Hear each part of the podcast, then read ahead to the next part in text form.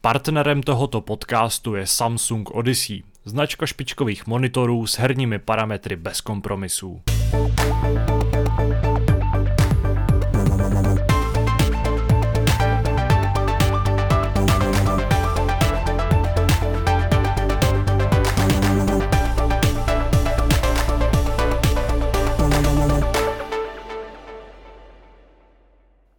Hápod s pořadovým číslem 770 bude o něco komornější, než je v posledních týdnech obvyklé. Scházíme se totiž u mikrofonů v našich domovech, samozřejmě patřičně oblečení jenom tři. Vedle mě, Tadeáše, ahoj, vás zdraví taky Kuba. Nazdárek. A zdraví vás taky Aleš. Krásný dobrý večer nebo dobrý den. Ano, myslím, že Aleš teďka překonává všechny své jako osobní rekordy v tom, jak často chodí do hápodu, ale my jsme za to samozřejmě rádi. Zvlášť dneska, kdy se mi teda fakt špatně dařilo schánět lidi uh, na natáčení protože se ukázalo, že jsou všichni hrozně zaneprázdněný a zároveň prostě to časově nám to nějak moc nevychází, jak to dělat večer ráno a e, jako trochu záz, nebo je trochu záhadný, že to nefunguje, i když stačí jenom si sednout k počítačům a zapnout to a nemusíte nic organizovat, e, nikoho schánět do redakce a podobně. A víš, čím to je? Že jsou všichni dneska smutní z toho, že jim nepřišly ty PlayStationy, víš, takže... Ale to není úplně pravda, že jo? To, o čem si budeme povídat až, až v našem prvním tématu, řekl bych. Ale myslím, že Eh, můžeme směle vyrazit vstříc našemu otvíráku klasickému, což je eh, téma o tom, co jsme v posledním týdnu, nebo více týdnech, ale myslím, že v našem případě můžeme rekapitulovat jenom týden hráli. A právě kvůli tématu o PlayStationu 5 myslím, že bychom mohli vynechat hry, které na té konzoli hrajeme a nechat si to až do toho prvního, našeho prvního tématu což mě teda staví do té nevýhody, že vlastně nevím, o čem budu mluvit. Ale zatím dám slovo Alešovi, který, to, který mi dá ten čas, abych uh, mohl vymyslet o čem no. budu mluvit. Tak co Aleši, co jsi hrál? Já úplně nevím, jestli ti nějak extra pomůžu, protože já od posledně, co jsem tady byl, jsem vlastně hrál jenom jednu věc, tak já se pokusím to teda natahovat, než něco vymyslíš. Ano, máš 6 minut na tu hru. Uh, no to možná bude rychlejší. Byl, byly to Star Wars, protože já jsem velkým fanouškem Star Wars univerza. Eh, viděl jsem asi 40% jednoho filmu. Teď nevím, který to byl, myslím, že čtyřka. Má se začínat čtyřkou. Uh, jako pokud, si, pokud si podobně jako já koukal uh, podle jako toho, jak vycházely ty filmy, tak jo. Ano, tak já jsem se právě tehdy zeptal přesně jako na pořadí několika těch odborníků, co to mají světé, prostě pětkrát a, a právě jsem usnul tehdy v nějaké nepříliš pokročilé části, takže um, je to asi tak symbolické pro mě, že jsem se dostal právě ke Star Wars a je to z prozaického důvodu a sice z toho, že eh, právě Jedi Fallen Order se dostal do předplatného a teď eh, úplně nevím, po kolikáté už je to přejmenované, byl to... Teď je to EA Play. Jo, takže EA Play. Eh, bylo to tuším minulý týden, tak jsem si řekl, vlastně proč ne, to bude taková jednohubka na pět hodin, něco jako kampaň v, v Battlefrontu dvojce třeba, tak jsem to zkusil. No a očividně je to teda o dost lepší než Battlefront 2, je to teda taky o dost delší, ale to samozřejmě není úplně na škodu pro většinu lidí. A až mě překvapilo, co vlastně ze stáje EA dokázalo víc za hybrida, protože do jisté míry jde jasně o vykrádačku prostě Tomb Raidera nebo o, o vykrádačku Uncharted a do jisté míry zase všemi omílané Dark Souls a další mojí oblíbenou sérii teda po, po Star Wars. A e, tak nějak to spolu zázrakem funguje. Uh, nevím proč, nevím jak, uh, neznám ty postavy, nevím vůbec, co se okolo mě děje, nevím, proč máchám mečem, nevím, proč ten meč svítí, ale teda potěšilo mě, že si můžu změnit barvu, kterou svítí. Ještě by mě teda jako potěšilo, kdybych si mohl třeba zvolit intenzitu nebo třeba nějaké LED efekty, protože my PCčkáři si věci rádi tuníme, že jo. Takže... Jako stroboskopii pěknou. Jakože. To by bylo super. A nebo by se mi hrozně líbil duhový meč, když už eh, teda podporujeme menšiny tak eh, bych, bych rád jako vyjádřil svoji podporu i tady tímhle. A nebo naopak třeba černý meč, ale ten jsem tam nenašel, takže nevím, možná ve vypnutém stavu, ale to je zase takové polovičaté. No, každopádně, abych se zase zpátky dostal k tomu, o čem jsem chtěl mluvit. Uh, je, je to opravdu zábavná, ten souboják je do jisté míry challenging, ale je super, že ta hra, když už se na ní fakt naserete, tak si tu obtížnost můžete změnit přímo ve hře takže se nemusíte nikam složitě vracet. Eh, vracet se sice musíte v případech, že chcípnete, a to sice k, ne tak k ohništím, ale k takovým runám v zemi, ale ten souboják je prostě povedený, eh, je celkem plynulý, když se to teda člověk naučí hrát, což u mě chvilku trvalo. Eh, já na tom gamepadu jako moc toho ještě nehrál, takže ze, ze začátku to trošku bolelo, ale potom jsem se do toho nějak dostal a je to fakt zábavné. Jediná věc, která mi vadí, a tam mi teda vadí celkem dost. Eh, ty lokace jsou sice celkem rozlehlé, jsou krásně vertikální, je prostě zábava po nich běžet, po stěnách skákat, nechat se, nechat se vést větrem, nebo na ledových klouzečkách se klouzat. Hrozně mi to připomíná dětství, ale problém je v tom, že je tam hrozná spousta backtrackingu těch eh, oblastí. Já jsem teď tuším někde v půlce, takže zatím jsem proskoumal tuším jenom tři oblasti, ale pokud to dobře chápu, tak víc než čtyři asi ani nebudou. A člověk se potom často vrací na planety, kde už byl a přijde mi, že na to, že jde o sci-fi akci, což eh, vlastně sci-fi, tam si můžete vymyslet, co chcete. Nevím teda, jak moc je to omezené tím univerzem, protože jak už jsem se tady odkopal, tak Star Wars jde trochu mimo mě ale nevím, no, je tam zelená planeta, je tam trochu zelenější planeta, je tam trochu ledovější planeta a tím to zatím pro mě haslo. Předpokládám, že ta poslední bude ohnivá, ale nevím, čekal bych ještě trošku víc invence, něco, něco trochu zajímavějšího. A nebo by mě teda neštvalo tě na tom, eh, nebo mě osobně třeba na tom hodně štval ten platforming, co tam je. Mně se zdá, že ho tam bylo strašně moc a, a kvůli tomu jsem to vlastně ani eh, neprokousal se tou hrou, jako víš, že, že toho skákání a lezení a, a těch pádů bylo na mě strašně moc. Jo, to máš pravdu, ale mně tam přijde fajn, že když vlastně spadneš, což se teda prostě bude dít, i když se tomu člověk snaží vyhnout, tak se většinou objevíš hnedka na začátku právě té pasti, do které si spadnul, takže to není zas takový problém, ubyde ti vlastně jen trocha života, nemusíš se vracet prostě zase zpátky k poslední runě, aby si zase zameditoval a získat, získal zpět svoje duše nebo zkušenosti, nebo co to je. Um, Možná, co mě, co mě trochu vytrhávalo z toho tempa, tak byly logické hádanky, které občas eh, člověk prostě ví, co má udělat, ale za boha se mu to nedaří. A nebo právě naopak, že jako si myslí, že dělá něco správně, ale ve skutečnosti na to je trošku špatně, což bych eh, právě ve Star Wars hře úplně moc nečekal s tím vlastně, že mám zkušenosti právě z Battlefrontu a možná z LEGO Star Wars, kde ta logika taky občas, no kde ta logika prostě moc není, že jo. Uh, takže bylo to tady v tomhle taky zajímavé. A ještě něco jsem chtěl říct, jo. ještě něco mě tam hrozně zaujalo. Ale už nevím, Ale co to je, bylo. je vtipný, že, že oni teď vlastně slaví výročí, protože ta hra vyšla před rokem. Uh-huh a e, bylo hezký, jak e, autoři z, z Respawnu teď sdíleli takový ty videa e, z rané fáze hry, kdy tam třeba používali mistra Jodu jako placeholder, protože neměli udělanou nějakou sekvenci v té hře, tak tam prostě stál obří Joda. Byl tam u toho i popisek, aby si náhodou někdo nemyslel, že té finální hře teda skutečně bude.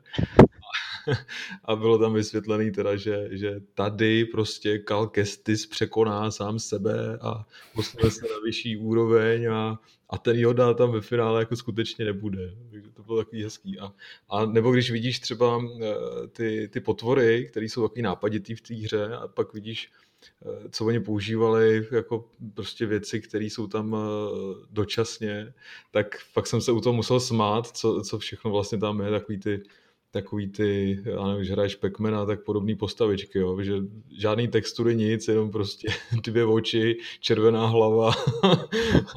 Bylo to takový zajímavý. Jo. Eh, ale já jsem z těch sérií videí viděl asi jenom jedno, kde právě se skákalo po nějakých placeholderech a potom tam byl jako střih a jak to vypadá v té reálné hře. Eh, já bych byl hrozně rád, kdyby se toho dostalo k lidem, kteří na nějaké pravidelné bázi pirátí, protože potom by třeba viděli, kolik zatím stojí úsilí, kolik no iterací, kolik prostě snahy, kolik času a kolik potu, krev a sos Uh, byl bych rád, kdyby se to k ním dostalo. A jinak teda už jsem si vzpomněl, co, co mi na té hře vadilo ještě. Mě hrozně vadil ten hlavní hrdina, poněvadž je zrdavý. A, a já se s ním prostě nedokážu stotožnit. No. Takže to bylo za mě Star Wars. Já na tebe navážu teda, když eh, ještě nemůžeme mluvit o tom, co hrajeme na pátém PlayStationu teda, tak eh, já zapřemýšlím a, a vlastně jsem hrál jenom Valhalu. Eh, naposledy jsem se k tomu vrátil o víkendu, jak jsem sliboval teda sám sobě, že se ještě vrátím do té hry, tak jsem to skutečně udělal. A vlastně jsem vyzobával takový vedlejší aktivity, dejme tomu, takový spíš události, a musím říct, že občas to jsou docela vtipný, vtipný záležitosti. Třeba, já nevím, jdeš eh, pod eh, nějakým útesem a najdeš dole prostě mrtvolu rozpláclou o šutr a na tou mrtvolou na, nahoře na tom útesu eh, se třeba baví mezi sebou lidi a, a z toho rozhovoru vlastně vyjde najevo, že oni ho strčili dolů, jo? takže ty vlastně vylezeš nahoru jsou tam nějaký sektáři a teď se tam s nima teď se tam s nima uh, dáš do řeči a oni samozřejmě ti jdou po krku.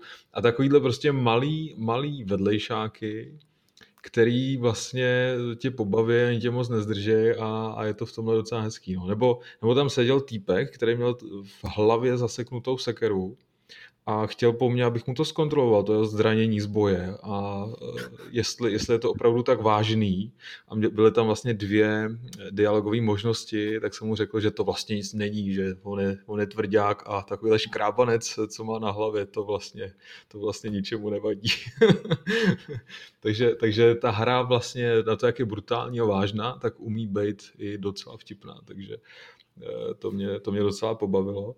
A co jsem ještě v té hře udělal, eh, vypnul jsem si eh, takový ty takový ty pomocný ukazatele, to znamená, že jsem vlastně smazal veškerý balast, který jsem měl na displeji, co se týče třeba toho ukazatele nahoře, kde máš jaký questy, ten log, který tam máš vlevo, ten text, který ti vlastně zabírá polovinu obrazovky, Vypnul jsem si třeba označení nepřátel, protože to se taky děje takovou barevnou formou, která vlastně eh, tě potom vytrhává trošku z toho dění.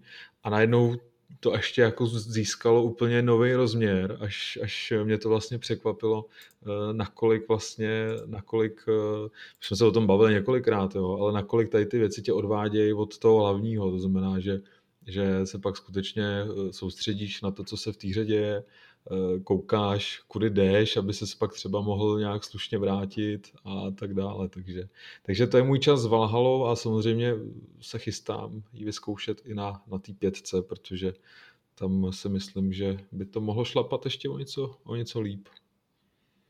Kubo, a ty jsi v sérii Assassin's Creed hrál eh, víceméně všechny díly, nebo jaký je tvůj postoj k ní, nebo respektive kdy jsi začal, jak se vyvíjel a tak, protože mě by zajímalo, já... jak k tomu teď přistupuješ třeba. Já vlastně nejsem nějaký skalní fanoušek těch původních dílů, který jsem samozřejmě taky hrál, ale byla to pro mě taková jako vedlejší série. A dohrál si jedničku vůbec? To je takový jako úspěch, který se leckomu nezadaří. No, ale já ti to vlastně ani neřeknu, protože už je to prostě x let dozadu a nejsem si úplně jistý, jestli jsem ji tenkrát dotáhl. Tenkrát prostě jsem uh, ty hry ještě tolik třeba neřešil a, a když jsem něco takhle nedohrál, tak mě to moc nemrzelo. Jo. Takže, takže vlastně bych ti vlastně teď ani neřekl, jak jednička, jednička končí. Fakt to vlastně nevím. Ale uh, mě vlastně víc vzali za srdce ty pozdější díly. Pro mě asi, asi mě nejvíc zaujal v poslední době Black Flag. Eh, pak víme, že to šlo s tou kvalitou trochu dolů a pak eh, ten reboot, eh, ten přerod do toho RPGčka mě vlastně ani tolik nevadil. Byl jsem rád, že tam byl trošku skok někam jinam zase. No a budu vlastně zvědavý, kam oni skočí teď, jestli zase třeba skutečně se přesunou víc směrem k té adventuře a Víme, že se dá udělat velká hra, aniž by tam ty RPG prvky třeba byly. Nebo jestli si ty, ty, ty věci ponechají a i, ty, i ten další díl bude takhle zatížený. Jsem na to zvědavý, no. Ale myslím si, že ač ta Valhalla byla teda skvělá a já jsem z ní měl obrovskou radost a mám pořád, tak si myslím, že ten další díl by měl být výrazně jiný, jo? že by měli skutečně do toho šlápnout uh, trošku víc a aby ty změny byly hmatatelnější, aby ta šablona, která se tou sérií nese, alespoň třeba v těch posledních třech dílech, uh, nebyla tak patrná. No.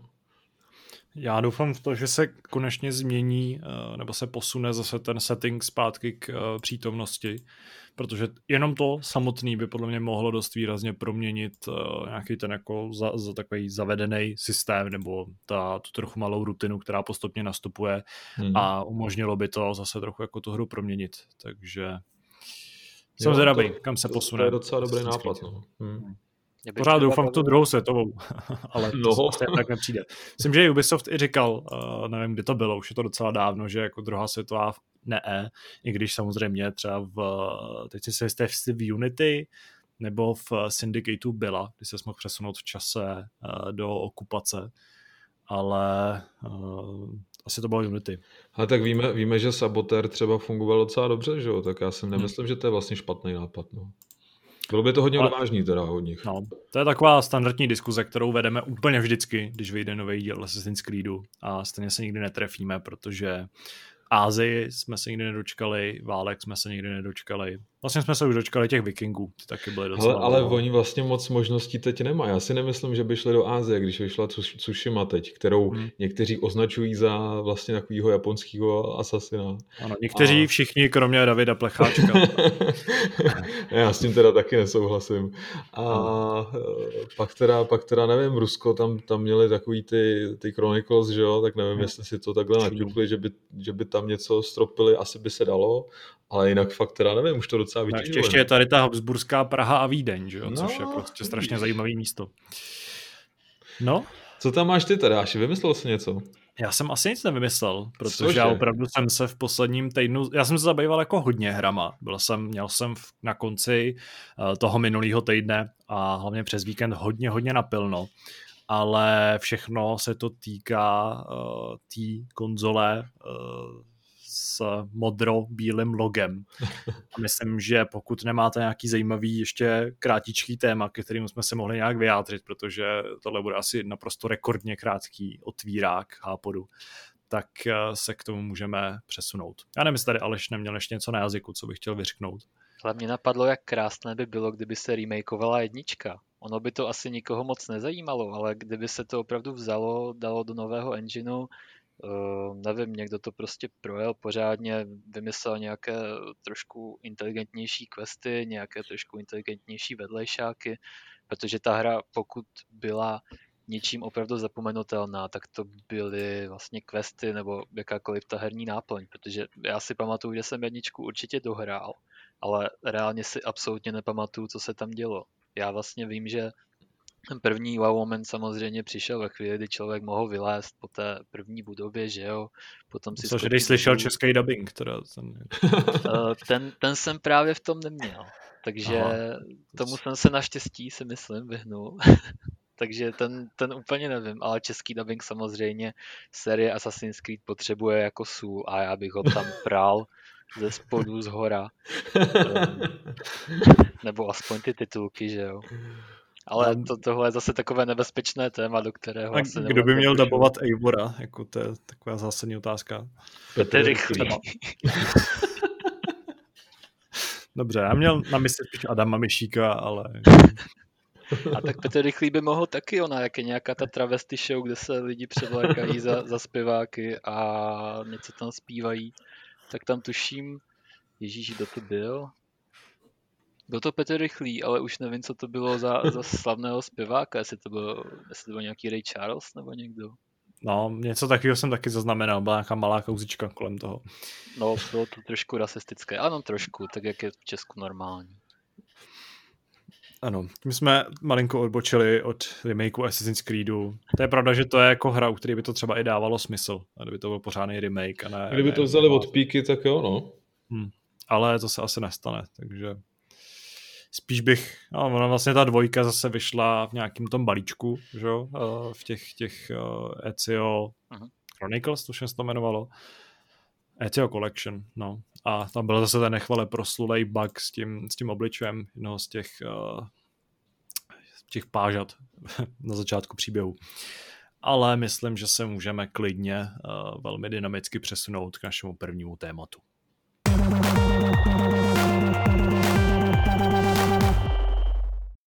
Pánové, právě se píše 19. listopad uh, roku 2020 konkrétně, což znamená spoustu věcí, mimo jiné to, že se před uh, dvěma dny slavilo velmi významné výročí, a to rok od prvního potvrzeného případu uh, onemocnění COVID-19. Každopádně znamená žádné to taky... jiné další výročí už se ano, žádné jiná další výročí svět neslavil ale znamená to pro nás, hráče, je to taky, bude to možná výročí do budoucna, protože se dneska začal prodávat PlayStation 5 eh, ve spoustě zemí, v té druhé vlně zemí, tedy těch, které američané a Japonci považují za méně cené.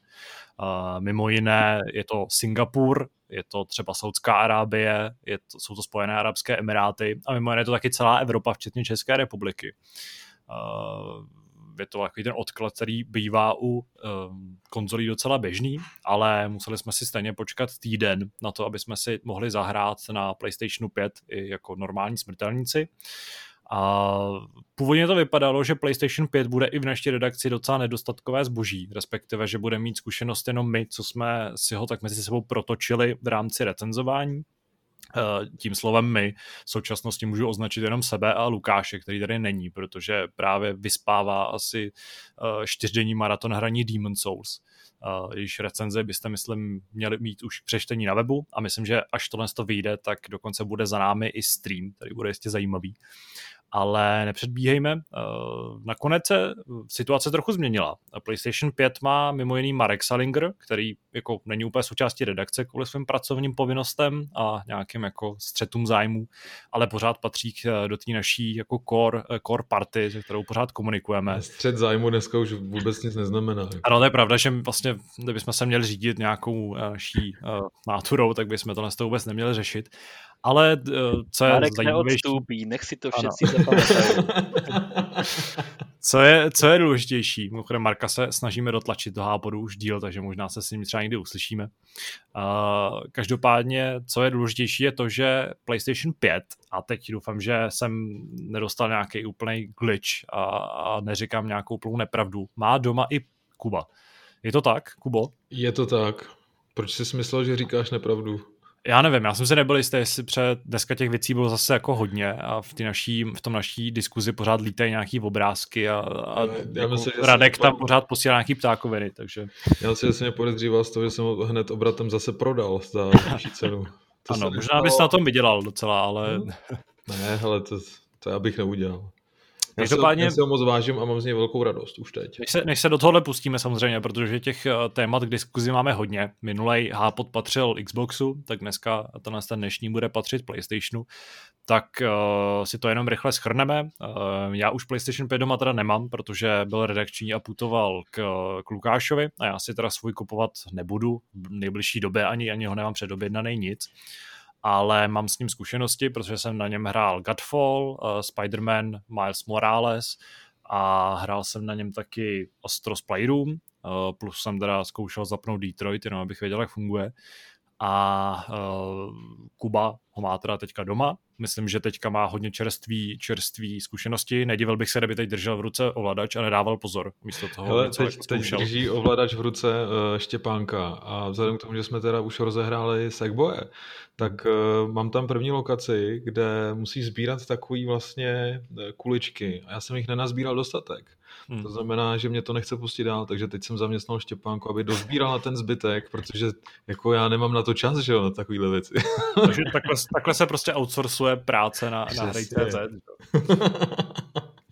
Já nevím, úplně nevím, z jaký, z jaký strany tohle to vzít. Uh, možná než se vrhneme k těm jednotlivým hrám, tak si můžeme pobavit o tom, uh, protože já jsem vlastně minulej, minulej týden uh, měl nějakou krátkou epizodu, kde jsem popisoval nějaký svoje první dojmy a plus jsem pak teda měl samozřejmě spoustu, spoustu textů nebo spoustu prostoru v článcích, kde jsem vyjadřoval nějaký své názory, ač to bylo jako trochu kontroverzní a možná jsem tam vyřkl věci, které jsem úplně říkat neměl, ale to, je, to nechme stranou. Uh, takže zajímavější bude si poslechnout, co si, co si myslí Kuba o PlayStationu 5, jaký má zatím první dojmy zraní. Samozřejmě, co, co říká na tu nejzajímavější věc, kterou je DualSense, uh, což je věc, o který, kterou si fakt musíš osahat. A, a jestli se těší, nebo předpokládám, že se těší na nějaký další hry, který bude na tom na té konzoli zkoušet a hrát.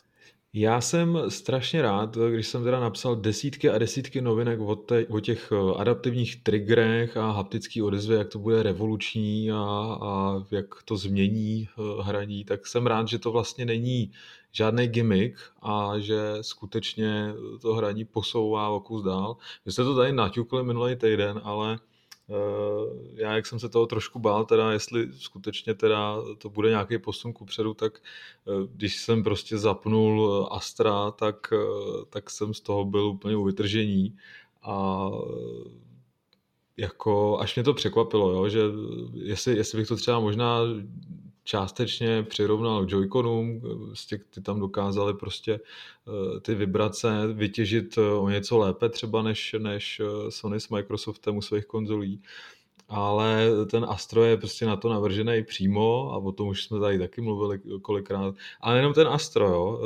I třeba ten Sackboy, prostě jak ono to reaguje i na věci, prostě, které se dějí třeba v cutscénách, jo, že tam najednou někdo vyskočí a, a ty se máš leknout, tak ti to prostě zavibruje výrazněji než, než, než normálně. Eh, nebo když to prostě eh, vlastně ilustruje povrchy, po kterých ty chodíš a tak dále. Prostě všechny ty věci, o kterých eh, jsme dosud slyšeli, zatím vnímám tak, že vlastně to nebyly lži, což je samozřejmě dneska, což není, není vlastně samozřejmost a tak jsem rád, že, že to dopadlo a že skutečně, skutečně to funguje skvěle. Možná ještě lepší pro mě bylo sledovat právě Štěpánku, která vlastně tady ty věci nezná a nečetla o nich, neví vlastně, nevěděla s čím má tu čest. A když, když si prošla první úrovní toho Astra, a vyzkoušela si, tu, si ten ovladač, tak to bylo úplně neskutečný jenom u toho pozorovat, jo. to držíš a OK, jsou tam takové blbosti, že foukneš do toho ovladače, kde se schovávají jako ty malí roboti a oni na tebe začnou z toho ovladače jako mluvit, jo, ale, ale jsou to takové věci, které vlastně eh, dávají smysl dohromady a všechno to komplexně funguje docela hezky a hezky to ilustruje zkrátka to, co se děje na obrazovce. A bylo, bylo pro mě vlastně krásný pozorovat eh, Štěpánku, jak, jak, si, jak ona z toho vlastně měla takovou upřímnou radost. Jo. Takže, takže to vlastně byl zatím eh, nejkrásnější zážitek s tím, že, že i ona, když na mě tady kouká občas, nebo něco si občas zahrajeme spolu, tak to tolik nevnímá. A pak, když to drží v ruce a člověk vidí tu upřímnou radost její, tak ví prostě, že, že sám sobě si můžeš OK něco nalhávat, ale když to funguje na ostatní lidi, tak si myslím, že je to krok správným směrem. No. A v tomhle teda, v tomhle teda si myslím, že a doufám, že, že do budoucna eh, to bude eh, hezký doplněk. Je samozřejmě otázka, ty už si, ty už si mluvil o tom Spider-Manovi, kde, kde tady ty funkce nejsou tolik využitý. Eh, tam eh, jsme četli o tom, že to byla vlastně volba vývojářů a já si myslím, že to je přesně ono, jo, že vlastně ve finále bude, bude záležet na tom, kdo tady ty eh, možnosti využije, ale myslím si, že kdo skutečně na tuto kartu vsadí, tak bude mít u hráčů velký plus, protože já osobně a Štěpa třeba tady, my s máme neuvěřitelnou radost a myslím si, že, že když vezmeme stranou grafiku, snímky za sekundu a tak dále, tak tohle je prostě pro mě docela big deal. No. Zkoušel jsi teda uh, Astro, Astro Playroom. Uh, chápu, že jsi byl stejně nadšený jako já. A když jsme se přesunuli k tomu, k tomu Sackboyovi jako takovému, tak uh, to jsem já nehrál, protože ty to recenzuješ, takže jsi teďka zodpovědný za ty první dojmy. Jak bys ji zatím hodnotil jako celek? No, člověče, až, až mě to vlastně překvapilo, jo, protože eh, ta grafika samozřejmě je taková hodně stylizovaná, kreslená, je to takový pohádkový a je, to, je v tom hodně lásky, jo, se mi zdá, že je to takový až milý. A já jsem tady říkal vlastně, když jsme začali natáčet, že už budu mít vlastně eh, ten PlayStation spojený tady s tím zážitkem na do smrti a, a ten zážitek je zatím eh, moc pěkný. Eh, když se tady teď dívám prostě na tu grafiku, jo, tak eh, mě to třeba maličko připomíná Tearaway, kde se hodně pracuje s papírem. Tak tady hmm. máš taky takový popundekl nabarvený a, a hezky, to tam, hezky to tam vlastně do toho zapadá. Eh, je to všechno rozpohybovaný, animovaný, pořád se tam něco děje. Mimochodem teda, když eh, jsem odložil na chvilku ovladač, že jsem tady něco řešil, tak eh, ten malý hadrový panáček si sedl na zem a začal si vyrábět nějaké věci z papíru, který když, když dodělal, tak najednou oživili a, a něco tam dělali na obrazovce. Jo. Tak, takovýhle prostě maličkosti tam jsou a je to, je to v tomhle hodně milý. Ten, to ovládání je vlastně takový jednoduchý, řekněme, je jasný asi, že, že eh, s touhle hrou se cílí na mladší publikum. Na druhou stranu teda já se u toho bavím eh, úplně královsky. Připomnělo mi to trošku i Mária, ten, jak ono se to jmenovalo, Odyssey na, na Switchi. A připomnělo mi to tím movesetem, který, který tam je, že ty si můžeš vlastně, ty si můžeš povyskočit, když to X vlastně zmáčkneš dvakrát, tak on ještě trošku zaběhá ve vzduchu, to znamená, že se posuneš ještě o kus dál, eh, nebo v tom vzduchu můžeš udělat ještě jako kotrmelec dopředu a takovýhle věci. A když se s tím pohraješ, tak zjistíš, že vlastně těch možností jak uhýbat těm nepřátelům, jak se pohybovat eh, v té úrovni je strašně moc. Nehledě na to, že, že je tam spousta věcí, jak eh, s tím prostředím interagovat, jsou tam rakety třeba a vysouváš tam šuplíky a taháš tam za různé věci, aby si dostal odměnu nějakou a po, po všech směrech zatím teda je to, je to hodně milý a, a zatím tomu nemám vůbec co vytknout a, a je, to, je to zatím čistá radost u mě. Že když to srovnáváš jako přímo na přímo s tím, s tím Astros Playroomem, který mě přišel tak jako hodně hravej právě. Hmm. Mm, používal ty elementy, které teďka zmiňuješ, kdy tam vytahuješ ze zdí věci a podobně, tak jaký to srovnání je, jestli vlastně hra, která eh, je, řekněme, prémiová, protože Sackboy si musíš koupit, zatímco Astro z Playroom dostaneš s tou konzolí vlastně nainstalovanou. No, minimálně vlastně tam bude daleko víc obsahu, nehledě na to, že, že vlastně si celou tou hrou snad, pokud dobře vím, můžeš projít s někým, jo, takže, hmm. takže to je samozřejmě velký bonus navíc eh, a toho obsahu je tam daleko víc, jo. Jestli, jestli prostě Astro trvá 3-4 hodiny na dohrání, tak tady se bavíme třeba o 10, o 15 hodinách mm-hmm. a další bonusové úrovně ti můžou tu hratelnost natáhnout až, až třeba k těm 20, jo. takže to si myslím, že minimálně z hlediska toho obsahu a pak asi záleží na preferencích každého hráče, jestli, jestli eh, se mu víc líbí eh, rozpohybovaný roboti, anebo, nebo pohádková, pohádková stylizovaná grafika. Ale, ale co se týče toho platformingu a tady těch věcí, tak si myslím, že si ty hry vlastně nemají co vyčítat. Eh, nehodnotil bych samozřejmě hru jenom kvůli, dobře kvůli tomu, že je, nebo lépe, jenom kvůli tomu, že je delší, to rozhodně ne. Myslím si, že Astro je zase víc kompaktnější a ta jeho úloha je vlastně eh, předem daná, jo? demonstrovat všechny ty funkce, který, který, eh, který ten ovladač třeba má. A nemyslím si, že to je špatně. A to, že dokáže stát ještě sama o sobě a dokáže tě pobavit, to si myslím, že je příjemný bonus. Takže, takže v tomhle asi prostě Sackboy, těžko porovnávat ty hry, ale, ale Sackboy je vlastně mnohem komplexnější, bych řekl. No. Mm, ještě než se vrhneme, nebo vrhnu k těm svým hrám, tak by mě zajímalo, eh, jak vlastně hodnotíš celkově tu eh, konzole jako takovou, z hlediska nějakého třeba jako používání, hluku, eh, hmotnosti, z toho, jestli, jak ti třeba funguje systém, protože ještě než tě pustím ke slovu, tak zmíním, že po natáčení minulém se mi začalo dít, hlavně během víkendu to, že konzole se jako neuvěřitelně zpomalila. Nevím, čím to je, Nevím, jestli to třeba neřešil ten aktuální, aktuální nebo aktuálnější systém, abych byl, abych byl konkrétnější. To bych se musel zeptat Lukáše, jestli se taky nesetkal s těma problémama. Ale když jsem přes víkend měl tu konzoli odpojenou od internetu, protože jsem ji převez jako jinam a netušil jsem, že, že tam ne, nefunguje kabelový připojení, tak uh, mi ta konzole vlastně strašně zpomalila a začala uh, nějakým způsobem jako mít problémy s, s používáním uh, používáním systému, kdy vlastně každý stisknutí tlačítka tak uh, trvalo hrozně dlouho, než na něj přišla nějaká to, to je zvláštní, no, to je zvláštní. To ti možná já, došlo já místo vlastně... na harddisku. No. ne, tam mám, tam mám místa docela hodně, takže a pak jako zajímavé, když jsem to připal k internetu, tak to najednou šlapalo jako, jako hodinky, což hmm. je trochu zvláštní.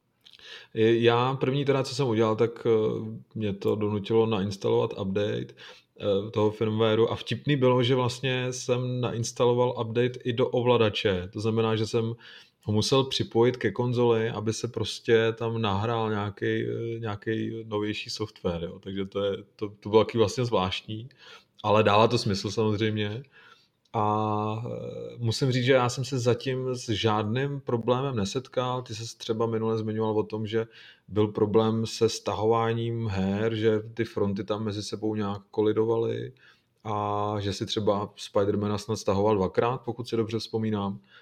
Tak eh, nic takového u mě, u mě neproběhlo, všechno se stáhlo tak nějak eh, rozumně, všechno šlape dobře, co se týče třeba storu a tak dále, žádný zádrhely, eh, takže já zatím, já zatím nic takového nepocituju. A co se týče hlučnosti, tak já, když mám zapnutý v pokoji počítač a sedím uprostřed pokoje, kde na druhé straně je vlastně ten PlayStation, tak eh, ho neslyším vůbec.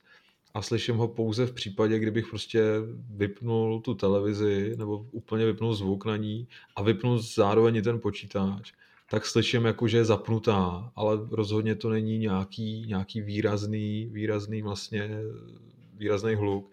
Nemám možnost porovnat zatím teda s Xboxem novým, tam nevím, Eh, jaký jsou ty úrovně hlasitosti té konzole, ale eh, jinak nemůžu říct, že by, že by to bylo něco, co by eh, tě nějak rušilo, i když máš tu hru stlumenou úplně na minimum.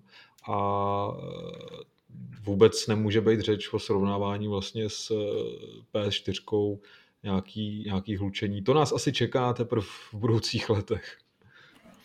Já jsem právě vyzkoušel, nebo z vlastní zkušenosti, měl ten problém, že ten náš redakční PlayStation 5 byl o něco hlasitější, než bych asi čekal. Zatímco Xbox Series X eh, je naprosto jako nez, neslyšný, až, až podivně. Hmm, hmm. Ale tam je možná nějaká jako výrobní chyba, nebo je to prostě tím, že jsem ho měl moc blízko k hlavě, ale to je vlastně takový jako detail. No já jsem zvědavý, vlastně zítra se uvidím s Lukášem a budeme streamovat uh, ty Demon Souls, tak, tak si to poslechnu a jsem zvědavý na to, no, jestli tam bude nějaký rozdíl, to si pak asi řekneme. No, každopádně to by bylo, eh, to bychom se mohli přetočit zvolna k těm hrám, který jsem hrál. Já jsem tady minule mluvil o Playroomu, teďka o něm mluvil i Kuba, takže ten asi můžeme klidně jako nechat, protože to je hra, o který už toho padlo hodně a asi se shodneme na tom, že pokud si PlayStation 5 kupujete, tak eh, vlastně neexistuje důvod, proč eh, Playroom nezapnout a neskoušet ho, protože je zadarmo jednak, nebo je prostě předinstalovaný ve všech discích a je to naprosto super plošinovka, která jako geniálně ukazuje, co ta konzole umí a co umí DualSense. Já co? jsem ale hra... No, já jsem hrál Milese Moralese, uh, Spidermana, kterýho jsem tuším minule ani neměl rozehranýho. Tam myslím, že Uh, taky velmi, velmi zdařile uh, vám všechny ty klady, zápory popíše recenze, ale velmi jednoduše Miles Morales je vlastně rozšířením nebo pokračováním. My jsme se tuším uh, po oznámení té hry jak jako dohadovali nad tím, co to vlastně je, protože ani sami autoři nebyli schopní, respektive autoři se nebyli schopní shodnout s vydavatelem a vydavatel se nebyl schopný dohodnout se Sony samotnou, co to vlastně je jestli je to jako DLCčko, jestli je to pokračování nebo standalone rozšíření, whatever, vlastně nevíme. Uh, nicméně tehdy jsem nějak nabil dojmu, že ta hra eh, jako přidá Brooklyn, protože původní Manhattan je jako cool, je to super místo, ale samozřejmě je zajímavý se podívat někam jinam v New Yorku. Uh, a přitom Miles Morales, jako ta postava komiksová, je jako neodmyslitelně spojená s Brooklynem ale v rámci hry se na začátku hned přestěhuje, respektive ta rok začíná po tom, co se přestěhoval do Harlemu, což je prostě součást Manhattanu, a Miles Morales vlastně se celý odehrává v reálích, který znáte z té původní hry z roku 2018. To je trochu škoda. To město je trochu jiný, je zasněžený, je vánoční, takže to není jako úplně stejný. Jsou v něm nějaký nové budovy, protože se tam jako příběhové odehrály jisté změny. Eh, ten příběh jako takový, eh, jak jsem avizoval, tak je zajímavější, nebo mi přijde zajímavější než ten původní. Je takový eh, jako kreativnější, jsou v něm mnohem míň řekněme, jak jako jasně nastavený mantinely toho, kdo je zlej, kdo je hodnej, kdo vlastně je v právu, kdo má nějaký špatný úmysl a podobně. Zase hrajou prim nějaký vztahy, kdy prostě mm, tam jako dost důležitá je ta rodina kolem Milese, nějaký jeho kamarádi, nějaký jako jejich, jejich tajemství a podobně, to opět nebudu nějak předesílat, je to docela, je to docela zajímavá zápletka. A ta hra je docela krátká, respektive ta základní příběhová kampaň mě vyšla tak na 4 hodinky, šacuju. Samozřejmě nabízí i spoustu dalšího obsahu, který naštěstí... 4 hodiny jenom, jo? No, je, je docela, dá se tím proletět fakt rychle. Ty krásný. Ale samozřejmě se můžeš zabývat i tím, co jako s Billem, co je v New Yorku uh, dostupný. Uh, super je, že ta hra tě jako moc nezatěžuje tím, že bys musel dělat to samý. Nemusíš znova objevovat mapu, nemusíš uh, znova lovit holuby nebo nějaký podobný ptákoviny. Vlastně opakují se jenom ty zlodějský, nebo takový ty jako krim, ty uh, zločiny v ulicích, co probíhají takže můžeš vytahovat z aut nějaký zloděje nebo zmlátit někde nějakou partu gaunerů. Pak tam přibyla parta nějakých nových misí, ve kterých opět nějakým způsobem jako ukazuješ, že jsi dobrý bojovník, Uh, můžeš třeba zachytávat takový samply, ze kterých pak skládáš nějakou hiphopovou písničku a podobně, což je docela zajímavý. Ale pořád to jsou zase jako jsou to takový šablonovitý úkoly, které se ti postupně odemykají a jako zase ta hra dost připomíná ten původní díl obecně mám pocit, že autoři dost polejhají na to, že zhrál tu jedničku a že leco si z ní pochytil, že jako máš nějakou představu o tom městě, moc ti ho nepředstavuje a podobně.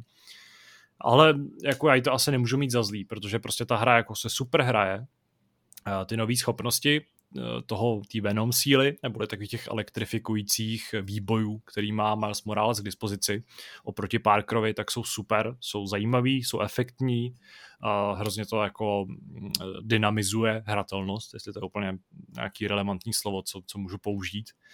A to samý platí i pro neviditelnost, kterou můžeš používat, která tě třeba vyseká z problémů, občas ji používáš v hádankách a podobně. Hádanky jsou taky zaměřený na elektřinu, kdy ty třeba jako stavíš takový vedení, který můžeš nabíjet, eh, nabíjet nějaký elektrický obvody v místnostech, nebo naopak vybiješ nějaký obvod, který ti pak odemkne nějaký dveře, aby se dostal dál a podobně. A co je samozřejmě to jako nejlepší věcí, tak je grafika. Protože na PlayStationu 5 ta hra vypadá úplně neskutečně. Já myslím, že asi se nebojím to označit za nejhezčí hru, kterou se jako dneska můžeš zahrát uh, na konzolích minimálně. Nevím, jak je tomu na PC u nějakých uchyláren, ale tady prostě to je fakt totální top.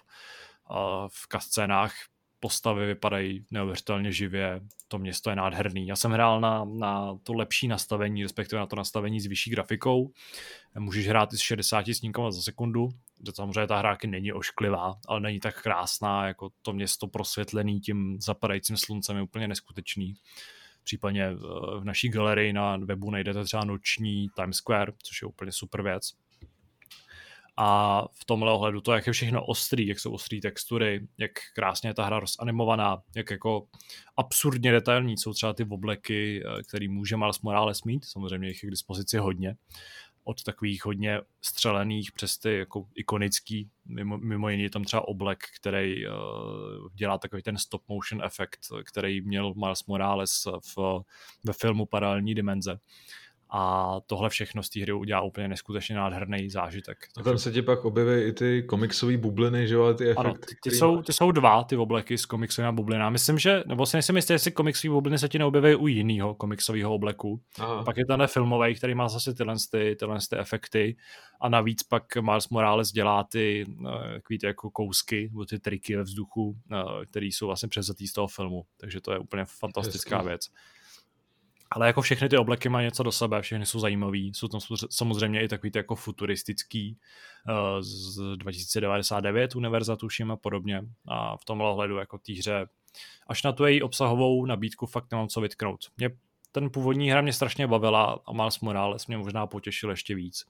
Je no, ten hrdina mi přijde zajímavější. Zkoušel jsi eh, ten remaster? Neskoušel. Já jsem na to jak jako neměl chuť a vlastně jedna z mála chyb na té hře je, nová, je nový obličej Petra Parkera.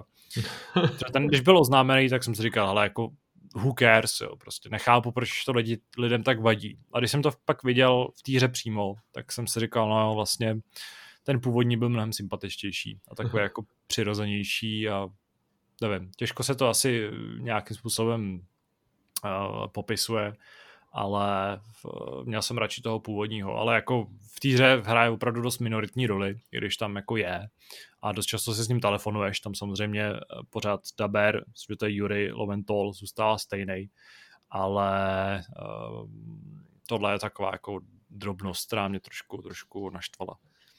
Myslím, že teďka IGN, nebo to byl nějaký jiný web, dělal anketu, ve které lidi odpovídali, respektive hráči odpovídali, jestli jim to vadí nebo ne. Byla tam třeba usměvná odpověď, že jim to nevadí, protože v týře stejně v obličeji nehraje žádnou roli, protože jsi pořád pod maskou. Ale myslím, že nějakých 40... Tak není to pravda, že v těch cutscénách zrovna nejseš pod maskou třeba. Přesně tak, kdy, když je tam ten detailní záběr, tak pod maskou nejseš, takže tam pak nějakých 41% lidí odpovědělo, že, že jim to vadí, takže tam jsem si říkal, že ta veřejnost promluvila. Ale to byl, to byl ten můj pozitivní zážitek s PlayStation 5. Pak tady byl vedle těch jako problémů s, se systémem ten negativní a to je uh, Godfall. Což je vlastně, pokud se úplně nemýlim, tak první oficiálně oznámená Next Gen hra. Uh, nepamatuji si teda při jaký příležitosti byla oznámena, ale bylo prostě řečeno, hele, tohle vyjde na PlayStation 5.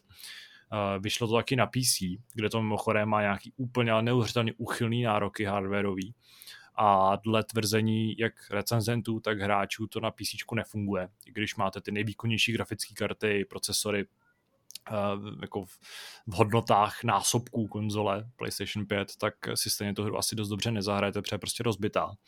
Na PlayStation 5 funguje docela dobře, jako z hlediska grafiky, technického stavu je, nebo technických nějakého zpracování je jako hezká, samozřejmě strašně nablejskaná. Já jsem jí v recenzi vytknul, že je kýčovitá, protože prostě je. Je to takové jako šílený, přehnaný, přele, přeleštěný, všechno tam jako je zlatý, stříbrný, všechno nějak vybuchuje. Třikrát přeleštěný. Ano, třikrát přeleštěný, je to jako na, na mě je to prostě moc na můj vkus. Ta hra je trošku, trošku jako nemá, nemá soudnost a samozřejmě ty v těch postavách prostě jim volaje všechno, volajou jim ty jako hřívy, vlasy, svítí jim oči a podobně. A ty lokace jsou takový pompézní, je na nich strašně moc napadený, jakýho haraburdí a podobně, ale chápu, že jako ben, benchmark konzole to funguje dobře. Ale ta hra jako je looter shooter, no není to looter shooter, je to looter slasher, jak jsem ji pojmenoval a myslím, že ji tak pojmenovávali autoři, protože ano, stojí na tom, že sbíráš vybavení, zlepšuješ se a kosíš prostě další nepřátelé. Stejně jako Anthem nebo Avengers je to prostě taková ta trochu jako generická mlátička, kde prostě vybíš nepřátelé. Ale zatímco Anthem byl jako první a zajímavý a Avengers měli skvělou nebo prostě fantastickou kampaň, tak tohle nemá nic z toho. E, ta kampaň je taková jako tupá, plitká, příběh je úplně o ničem. Ten tam sice ta hra vypráví a je takový jako docela složitý, respektive se snaží i udělat nějaký to lore, uh, nějaký ten příběhový pozadí a univerzum stanovit a podobně. Ale vlastně vás to absolutně nezajímá, protože je to strašně generická nebo strašně tuctová záležitost. A ta samotná hratelnost jako soubojů je docela, docela OK. Ta hra v, jsem si tak říkal, že jako připodobním k Dark Souls v tom, že je postavená na nějaké trpělivosti, na tom, že musíš uhybat útokům eh, nebo je parírovat a podobně. Eh, na rozdíl od Dark Souls, ale ta hra není vůbec fair. Eh, nepřátelé jsou strašně rychlí, agresivní, ovládání vůbec není přesný, takže tam chybí ten efekt toho, že když jako dostaneš tu ránu, tak víš, že to není tvoje, ne, že to nemusí být nutně tvoje chyba, ale že prostě ta hra nějakým způsobem tě jako vypekla a Dark Souls prostě typicky prostě vždycky ti dají, nebo vždycky víš, že jakákoliv, jakýkoliv tvoje pochybení je čistě a jen věc toho, že se prostě dost nesnažil, nebo že to neumíš. Zatímco tady dost často je to problém ovládání, který je strašně těžkopádný, občas jako je pomalý, animace na sebe musí navazovat, takže musí vždycky počkat, než se stane to, co jsi vlastně jako týře zadal. Uh, když se to špatně popisuje, tak prostě ta hra se strašně špatně ovládá, strašně špatně se bojuje, strašně špatně se jako reaguje na to, co dělá nepřítel. A ty jejich movesety jsou takový jako bizarní, jsou hrozně, hrozně zběsilí a podobně. Že v tomhle ohledu chvíli to baví, chvíli je to docela jako fajn zábava, lutování nebo to sbírání vybavení a vylepšování statistiky je vlastně sranda. Tam myslím, že jako není co týře vytknout ale po pár hodinách je to prostě strašná ubíjející nuda. Je to furt o tom samém, nepřátelé jsou furt generický, vždycky vlastně jdeš někam, protože ta hra je rozdělená na tři taky jako otevřený světy, eh, zemi, takový vodní svět a takový nebeský svět. A chodíš prostě po chodbičkách a vždycky najdeš větší prostranství, kde najdeš spoustu nepřátel, tady jsou různě namíchaný, ty vybiješ a jdeš dál, občas dojdeš k bossovi, občas otevřeš truhlu a takhle je to pořád dokola později i v rámci příběhu, eh, respektive hned jako od druhý, druhý kapitoly, tě v podstatě ta hra i nutí se vracet a nechá tě vlastně projít jednu příběhovou misi a pak prostě jenom musí sbírat nějaký, uh, nějaký artefakty nebo nějaký předměty z těch jako generičtějších misí a to opakovat furt dokola, než se vlastně, než se ti odemkne nějaká další mise nebo než se ti odemkne další boss. A v tomhle ohledu je ta hra prostě strašný grind vlastně celý Godfall je grind uh, vyjma nějakých tří misí, které nejsou teda o nic lepší.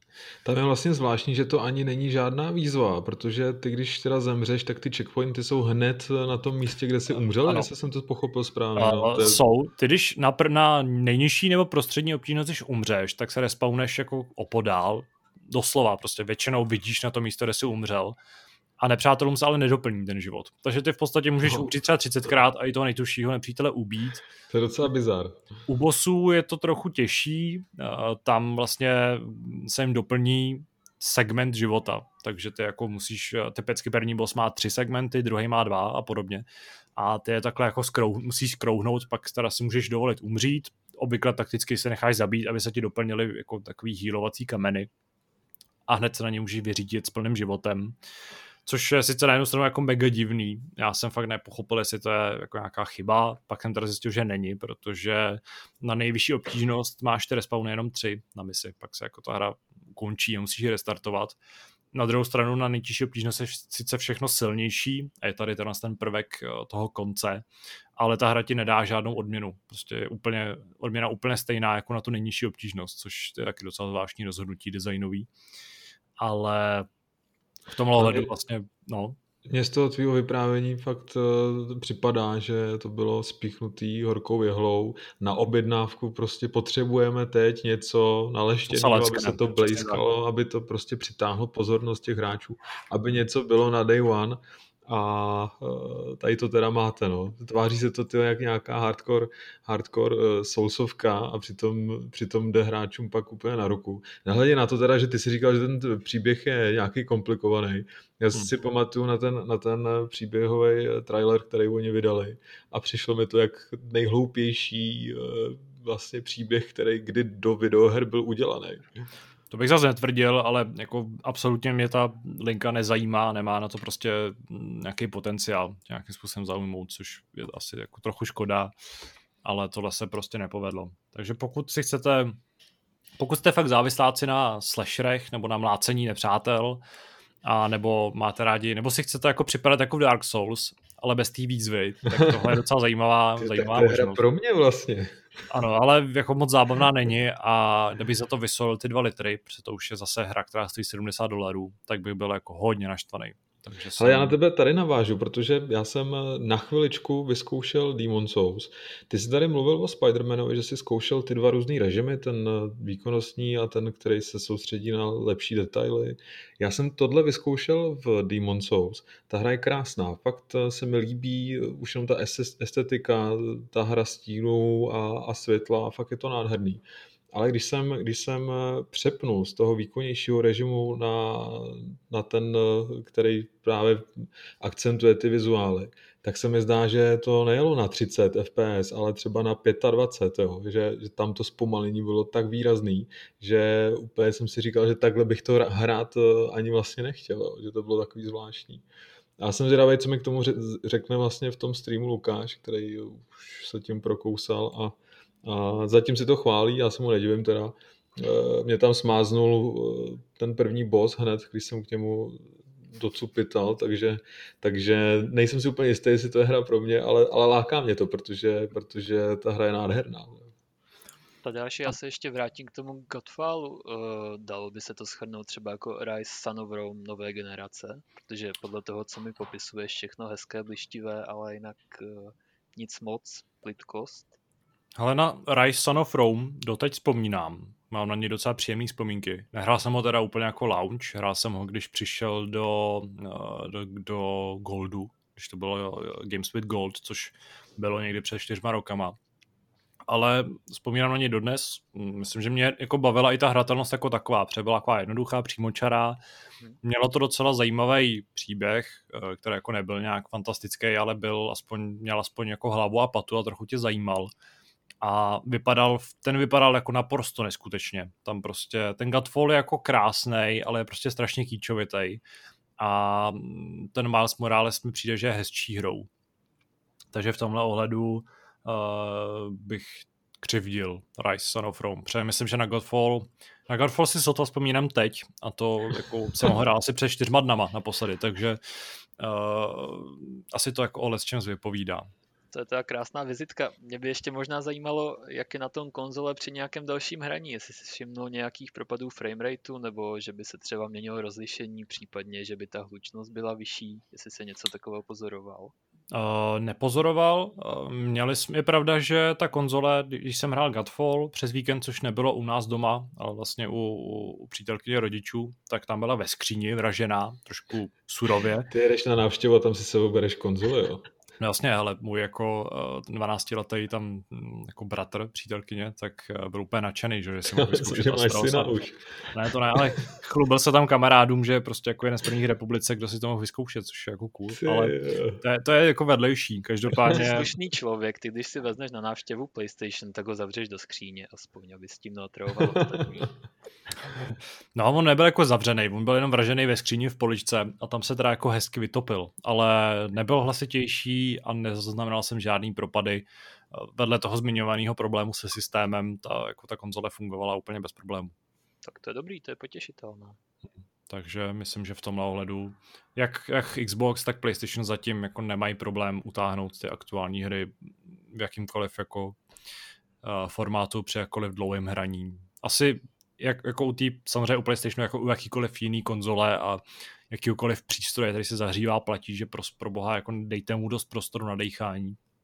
Neuvařte ho. Uh, ale to je asi podle mě jako samozřejmost. No, tím já jsem vyčerpal svoje hraní, já jsem svoje nějaký dojmy a podobně ventiloval už dostatečně. Nevím, jestli má Aleš ještě co k tomu dodat, jako náš redakční, velmi konzolově zběhlý člověk. Uh, já si od vás maximálně tak půjčím ty gamepady a zkusíme u té svojí PS3, jestli to teda poběží. Tam to funguje, ne, takže jako super. Pozor, Aleš, já teď budu prodávat uh, Xbox a PlayStation, tak kdybys měl zájem, tak se nějak domluvíme, hele. Ano. No. A to je PlayStation 4. to je pro mě stále next gen, takže jako... No právě. ano, to, to je vlastně není, na... není čas udělat krok kupředu. Nahrál na náš závěrečný smeč. Pánové, co je teďka next, no, co je teďka current gen a co je next gen? No, to je, to je sranda, že my jsme se, když jsme se třeba bavili, my spolu u streamu, jak jsme se nemohli dohodnout na tom, nebo každý mluvil o něčem jiném a přitom jsme používali stejný pojmy, ale já si myslím, že už jsme oficiálně asi vstoupili do té další generace, takže takže současná generace je už asi oficiálně Xbox Series a PlayStation 5?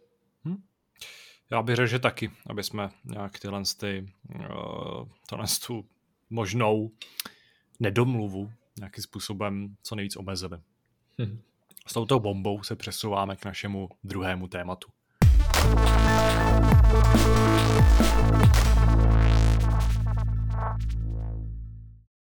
Naše druhé téma bude zřejmě o něco méně pozitivní, než bylo to první, eh, které bylo také ve skrze nadšené, eh, plné dojmů.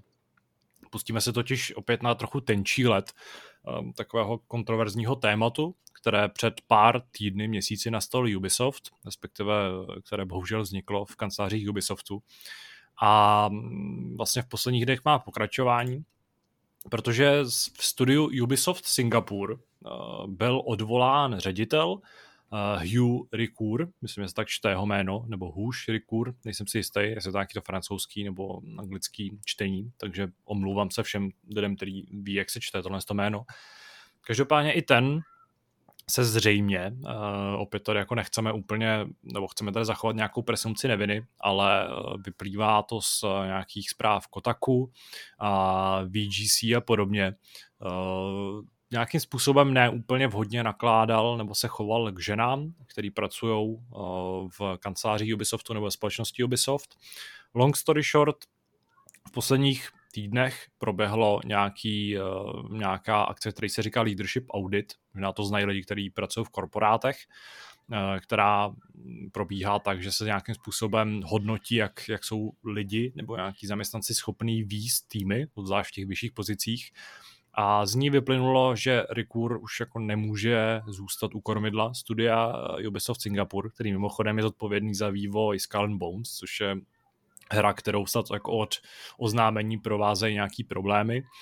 A jednoduše řečeno byl odvolán z té funkce, takže ten projekt se zřejmě opět dostal do nějakých problémů a opět je to jako docela zajímavá prekérní situace.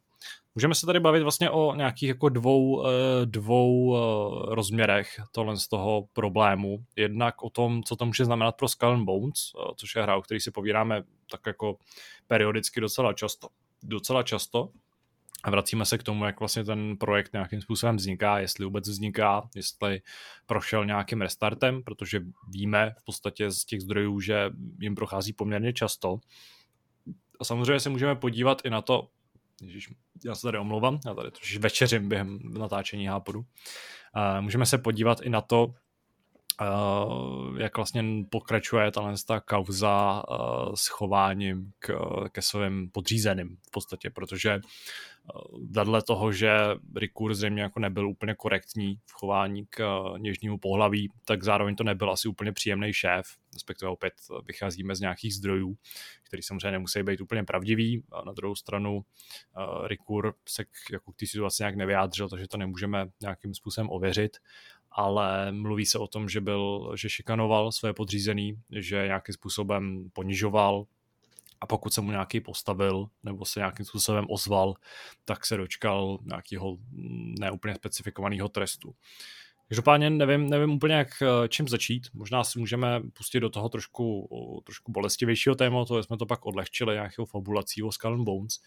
Uh, nevím, jestli jsme se o tom vlastně někdy bavili takhle nahlas, protože je to samozřejmě trochu ožehavý téma a myslím, že jsme se tomu snažili vyhybat, ale já myslím, že, když, že k tomu můžeme přistoupit nějakým jako dospělým způsobem. A zajímalo by mě samozřejmě, co si jako o tom myslíte, uh, jestli, no nepředpokládám, že tady jako si budu ptát, jestli něco takového schvalujete, ale zajímalo by mě, jak dlouho ještě třeba ta jako kauza bude trvat, respektive jak dlouho ještě bude na povrch vyplývat, uh, co se vlastně v Ubisoftu děje a jaký to může mít následek pro tu, pro tu firmu jako takovou.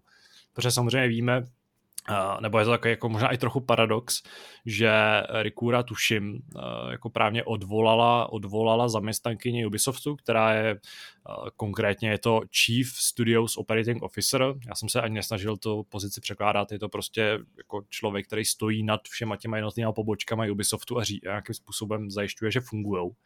Uh, takže mimo Singapuru řídí i ty další nějaké jako světové pobočky. A ta konkrétně se do té uh, pozice uh, taky vlastně nějakým způsobem uh, dostala i díky tomu, že, že probíhaly tyhle, ty, tyhle ty akce, i když zrovna její předchůdkyně byla jako poměrně oblíbenou a, a uh, vlastně prostě z té akce jako vzešlo spoustu těch personálních změn v Ubisoftu. Že teďka míří opět slovo k vám, co si vlastně, nebo jaký je váš pohled na tuhle tu událost, si vlastně myslíte, že se může stát jak se Singapurem, tak eh, jak to dál může dopadat na Ubisoft jako takový. Tak začni Aleši, jsi dlouho mlčel teď. Ano. Jo, tak já jsem jednoznačně teda rád, že tyhle věci začaly uh, vlastně jaksi prosakovat na povrch, protože ono s rozvojem internetu lidi vlastně pořádně nevěděli, jak to používat a tak, ale sám internet dost uh, vlastně rozvinul, dá se říct, takovou, takové povědomí o tom, jak to chodí jinde. A tak nějak uh, lidi zjistili, že vlastně to, co se třeba děje u nich na pracovišti, to, na co jsou zvyklí, vy takový ti šéfové, kteří prostě chodí a mají nevybíravé keci na ať už kolegyně nebo kolegy, Eh, ať už prostě, nevím, šiká na pracovišti, podobné věci, nad kterými se možná dřív eh, mávlo rukou a vlastně nikoho nějak extra nezajímali, protože se prostě řeklo, bo on už takový je a tím se to vlastně zametlo pod koberec a maximálně se spíš odstranil ten nepohodlný zaměstnanec. Tak eh, jsem do velké míry rád, že právě tohle se teď nějakým způsobem otáčí. Nemyslím si, že je to jenom Ubisoft, ostatně těch problémů už bylo za poslední léta opravdu dost. Ať už to byl Riot, nebo ať už to byl takový ten movement vlastně skrz celým herním průmyslem, kdy Eh, nalijeme si čistého vína, spousta hráčů ještě není schopná přemýšlet na takové úrovni, že třeba jako ženy jsou rovnoprávné mužům a tak dál a že i ženy mají právo hrát a tak dál, což prostě některým lidem očividně nevysvětlíte, což je teda dost smutné, že jo. A přijde mi teda dobré, že se o těch problémech začalo mluvit, eh, že tyhle problémy se začaly i řešit a myslím si, že takových problémů bude do budoucna stále jenom přibývat, protože jakmile fakt ti lidi zjistí, že tohle se opravdu řešit může a že to nemusí, že to nemusí jenom spolknout nebo že nedostanou třeba od HR akorát radu, ať se tomu člověku vyhýbají, tak je to určitě plus pro budoucnost, ne samozřejmě průmyslu, ale i společnosti jako taková. Um, otázka zase je, na druhou stranu, aby se toho nezačalo zneužívat. Protože uh, z toho, co, co já teda o Rikurovi vím, je, že vládl poměrně tvrdou rukou a už je zase trošku problém v dnešní době odlišit, je ta ruka pořád ještě tvrdá ve smyslu, že je to třeba přísný šéf, ale zároveň nijak prostě nevím, nikoho nešikanuje nebo prostě nechodí za hranice a kdy už ta hranice opravdu padá. Protože s tím vlastně, jak se ten internet rozvinul, se taky začaly objevovat eh, případy různých falešných obvinění, různých, eh, nevím, scházení vin na ostatní. A na tohle už taky víc lidí doplatilo. Takže určitě je dobré tady tohle interně vyšetřit, což samozřejmě Ubisoft si bude muset zvládnout sám. Ale zároveň jsem fakt rád, že se o tom mluví a že ten průmysl se zase třeba někam posune a že i manažeři nejen samozřejmě v herních firmách, ale po celém světě zjistí, že některé věci, které jim přijdou naprosto normální a, a jsou to často lidi, kteří jsou teda trošku jiná generace než my, kteří nevyrůstali už v tomhle lehce digitálním a doufám si říct o trošku civilizovanějším světě, i když jak jde, tak um, je to prostě, nevím, no, doufám, že, že prostě to třeba nastartuje nějakou změnu a i tihle starší lidi. Já teda jsem hledal, kolik uh, Rikúrovi je, uh, myslím, že jsem nenašel přesný věk, takže pravděpodobně něco mezi 40 a 50, možná o trochu starší. Uh, oni vyrůstali v trochu jiných poměrech. Zase je třeba si říct, že když se dneska podíváte na film z osmdesátek třeba, tak tam prostě to šovinismem často srší, eh, dějí se tam věci, které by nám dneska na pracovišti opravdu nepřišly normální. Jo, takže je zase potřeba i ze strany té firmy, třeba tady těmhle manažerům, kteří třeba svoji práci dělají dobře, což já samozřejmě o Rikurovi nevím, jestli, jestli opravdu byl dobrý manažer nebo ne, ale je taky dobré tady tyhle lidi vzdělávat, protože pokud eh, to zase bude fungovat stylem jo, přišla nám zaměstnankyně do práce, Rikur se na ní škaredě podíval a nebo se na ní podíval naopak hezky a řekli, že jí to dneska sluší, Rikur byl naprášen na HR a Rikur končí, tak tak to samozřejmě taky nejde. Jo, ale pokud, co se dívám vlastně do toho, do té novinky, kterou psal Tadeáš na web, uh, pokud prostě jo, tady je třeba krásné, krásné slovní spojení rozdávat nevyžádané polipky na firmních akcích, tak to už mi teda moc košer nepřijde. Ale jenom vzduchem. tak to jo, tak to je, to je něco jiného samozřejmě. Ne, já, to, já to nechci samozřejmě zlehčovat, jo, ale... Já ale... jako zase upozorňuji na to, než nás někdo začne z něčeho toho, že to jsou všechno prostě tvrzení, které uh, jako šly z nějakých zdrojů a jako my netvrdíme, že to tak přesně bylo, ale na druhou stranu mm, musíme je pořád brát v potaz. Ale já si myslím, že to je opravdu nebezpečný v tom, že když eh, se rozjela celá ta kauza mýtů, tak eh, si vem, jak dozadu byli ochotní eh, ty poškozený vlastně sáhnout a co se vlastně vytahovalo na povrch za kauzy.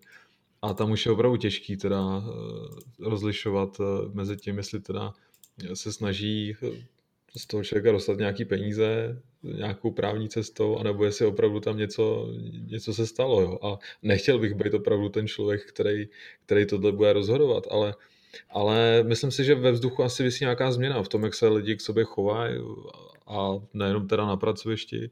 A myslím si, že, že zrovna právě v těch kancelářích a všude okolo, že se zavádějí prostě nové standardy a, a bude asi chvíli trvat, než se shodneme na tom, co je teda normální a co ne.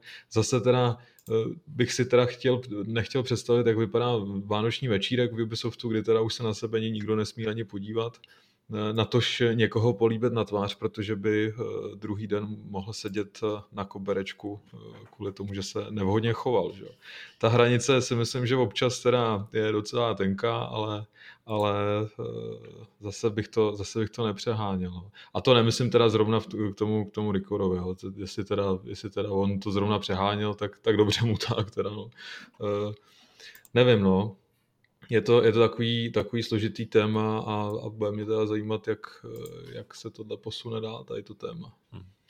Já jsem stejně jako Aleš rád, že se tyhle ty věci začínají trochu víc řešit, že, že se do toho hráblo. Samozřejmě uh, k tomu patří uh, a tím to teda rozhodně neschvaluju, ale bohužel k tomu prostě patří to, že se pořád otrkávají ty hranice, ty, ty, ty tenký linie toho, kde jako dochází i k nějakému zneužití a podobně, to bohužel eh, jako je v nějaký lidský nátuře, ale taky souhlasím s tím tvrzením, že se prostě nějakým způsobem ta společnost civilizuje a že, ten, že ta, uh, i ten pohled na to, jak se jako lidi mají vlastně chovat k ženám jakým způsobem k tím přistupovat uh, nejenom ve, ve firmách a ve společnosti, ale i jako v životě jako takovým, uh, tak všechno tohle to jsou takové malé dílky do toho velkého, do té velké skáračky puzzlu, který můžou celý ten, celou tu záležitost trochu vyspravit.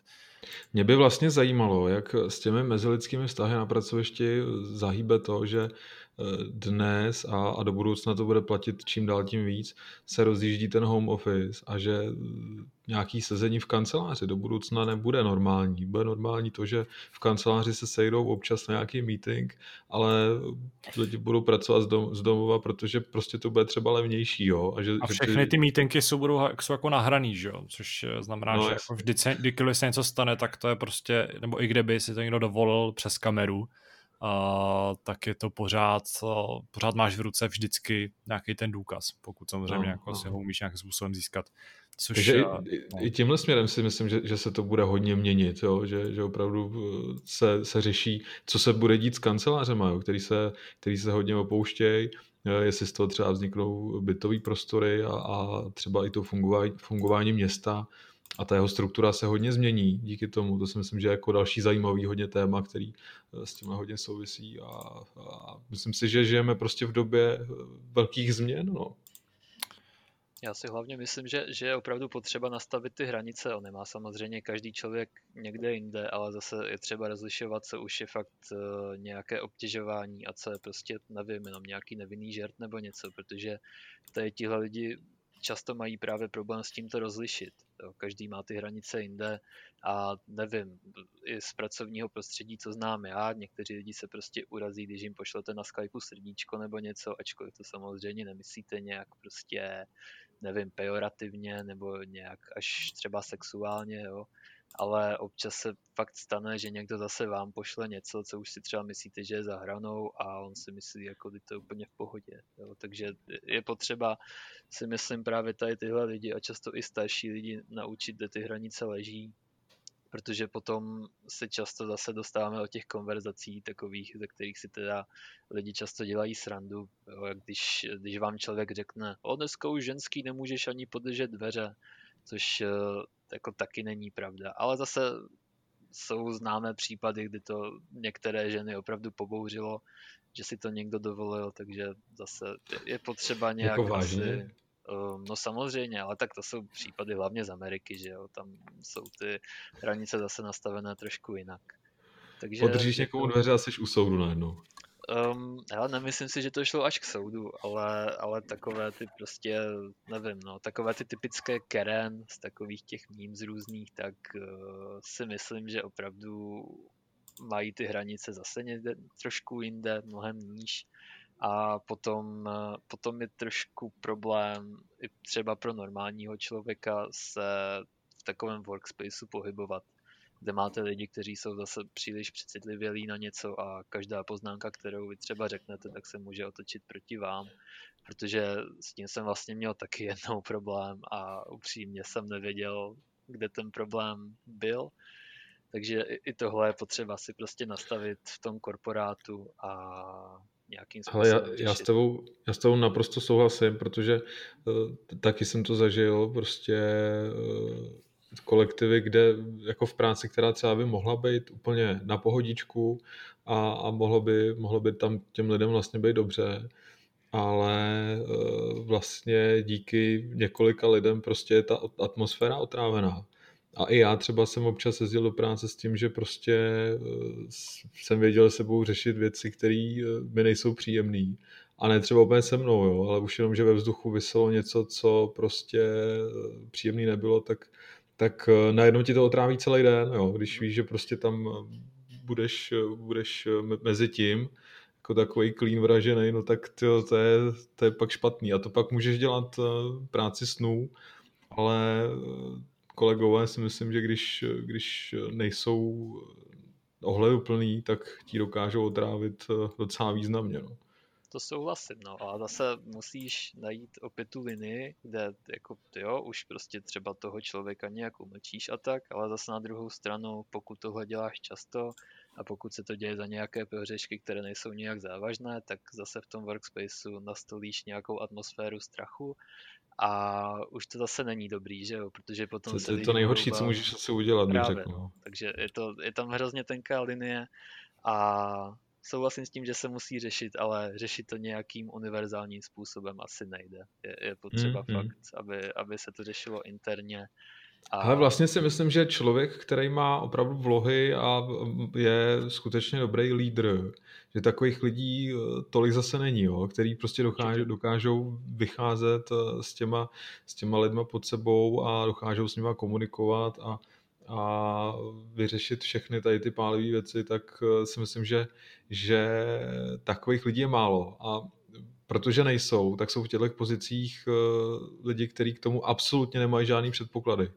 A pak prostě jako není na, nemá ta společnost třeba na vybranou a toho člověka tam nechává, protože kdo jiný by to třeba dělal, jo. Takže, takže to si myslím, že je taky jako součást problému, že, že pokud ten člověk eh, to neumí, já nevím, v 50, tak už se těžko, těžko naučí vlastně něco jiného, jo, komunikovat s těma lidma trošku jinak. A když, tak to bude třeba jedna velká přetvářka a ty lidi mu to už nebudou tolik žrát, no, takže, takže i to je asi důvod, proč zrovna, když se teda vrátíme tomu Rikurovi, že eh, jestli tam třeba proběhla nějaká, eh, jestli tam byla nějaká vlastně eh, chuť k tomu ho nasměrovat jiným směrem, asi teda už to bylo tak za hranou, že vlastně je lepší ho odstřihnout od toho týmu a zkusit tam dosadit někoho jiného, aby se ta atmosféra prostě zlepšila a aby, aby tohle všechno bylo lepší. No.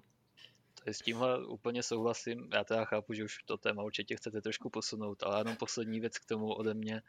Eh, část problému v korporátech, která tady z tohohle, nebo která tímhle vzniká, je to, že lidi často postupují po pozicích, dá se říct, trochu nelogicky, takže ono vlastně z nějaké manuální pozice se člověk najednou stane manažerem, ale vlastně žádné manažerské vzdělání ve skutečnosti nezná.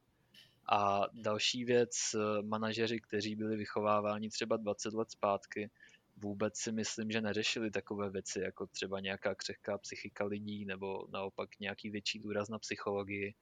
A tehdy se lidi vedli samozřejmě úplně jiným směrem, než, než je to teď. Takže... Musíš se naučit soft skills, hele, a to, to ti stačí. No, kež by to tak bylo. A někdy to tak fakt funguje, no a, a potom to funguje tady tímhle způsobem, respektive nefunguje. No, docela hezky jste se rozpovídali, ale abych to trochu posunul ještě dopředu, respektive už jenom hodně stručně, k tomu, co tohle vlastně může znamenat pro, pro Skull and Bones. Vůbec nic. Eh, no, dobře.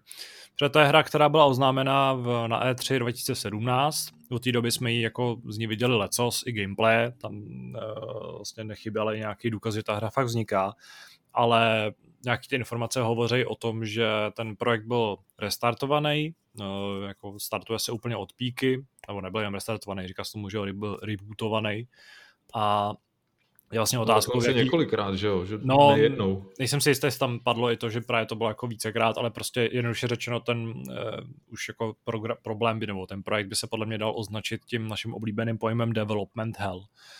A jsem zvědavý, jestli to vlastně dokončí. Jsem zvědavý, nebo zajímal by mě, jaký vliv na tenhle ten problém měl právě Rikur, jestli uh, tyhle ty um, problémy nebo to odvolání pramenilo jenom z, z těch věcí, které jsme řešili před chvílí, nebo třeba za ně mohlo stát i to, že opravdu uh, kvůli němu ty projekty nefungovaly, jak měly, abych jako byl úplně, abych uvedl úplně do kontextu uh, vlastně posluchače, tak studio Ubisoft Singapore spolupracuje, spolupracuje i na, i na hrách z, z univerza Assassin's Creed, takže nějakým způsobem se podepsali pod Origins nebo Odyssey za tu dobu, co vlastně tam Rikur vykonával nějakou práci. A Hmm, jsem zvědavý, jaký, jak vlastně se ukáže později, jestli třeba Schreier přijde s nějakým, s nějakým proubem, jak vlastně probíhal celý ten, ten vývoj.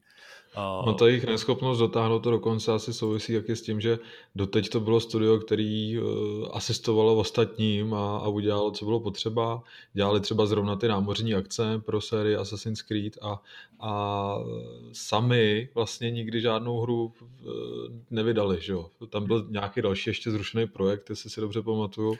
No, ale, vydali, ale... jako už dávno provozovali uh, Ghost Recon Phantoms, což byla free-to-play akce, Aha. která běžela mezi lety 2012 a 16. A já jsem ji teda hrál, docela mě bavila, ale to byl Fakt, spíš takový menší, menší projekt který pak zanik kvůli asi nezájmu hráčů, myslím si jistý, myslím, že to tak bylo, takže uh, s jako zložně velkou hrou prostě fakt zkušenosti jako vlastní nemají. Tak já si myslím, že, že ta změna šéfa nebo ty, tyhle problémy, že Skull Bones taky zas tak moc neovlivní. Ale mě popravdě od začátku asi zajímá, na koho vůbec Skull Bones cílí, protože úplně nevidím, že by to publikum tady bylo. Takže ten dost dlouhý vývoj a spousta restartů se obávám, že nakonec, i když k tomu nakonec dojde a i když ta hra vyjde, tak eh, možná půjde o dost ztrátový projekt. Když zase na druhou stranu úplně to stejné jsem si myslel o Fortniteu, který prostě na tom byl dost špatně, dost dlouho a potom se z něj vyklubal světový megahit a to dokonce z módu, který nebyl primární, takže nerad bych tady vyřknul nějaký soud, který se potom úplně změní, ale co myslíte kluci, má Skull Bones pořád šanci na úspěch, nebo respektive mělo ho tehdy a má ho pořád? Ale já si myslím, že no vlastně teď jsem chtěl říct, že, že podobná věc tady vlastně není. Konkurentem může být vzdáleně možná Sea of Thieves třeba, který eh, možná utišilo nějakou žízeň po námořních bitvách. No a spíš taky ale, ne. No. A spíš taky ne. Ale s Calen Bones asi šli trošku jiným směrem a ty bitvy by měly být uh, nějaký, si myslím, že... Akčnější, no, takový jako a možná by měla nabídnout nějaký příběh, ne, taky, takže jako trošku no, no. Jako podle mě Skull and Bones mělo přijít eh, v době zhruba třeba roku nebo po Přesně. roce od vydání Black Flag, kdy vlastně no, celá no. ta mm, nějaká jako fascinace tím mořem eh, byla úplně největší. Nebo mohla přijít místo Black Flagu, který prostě nemusel být Assassin's Creed má samozřejmě to už jako daný trochu něčím jiným, ale v té době eh, prostě ta touha potom, aby se jezdilo na lodích, byla velmi silná. A přijeme, že v dnešní době už je tohle téma trochu vyčpělý. Ale jako taky se klidně rád, nebo rád se nechám překvapit, rád se nechám vyvést z omylu. A jako furt mě Skull Bones zajímá víc než některé jiné hry, které má Ubisoft eh, ve vývoji. Mimo jiný takovou tu šílenou věc s, s tím ježděním na kolech z kopců, ale Již jméno se nepamatuju, ale to už je spíš jako subjektivní, subjektivní stránka té věci.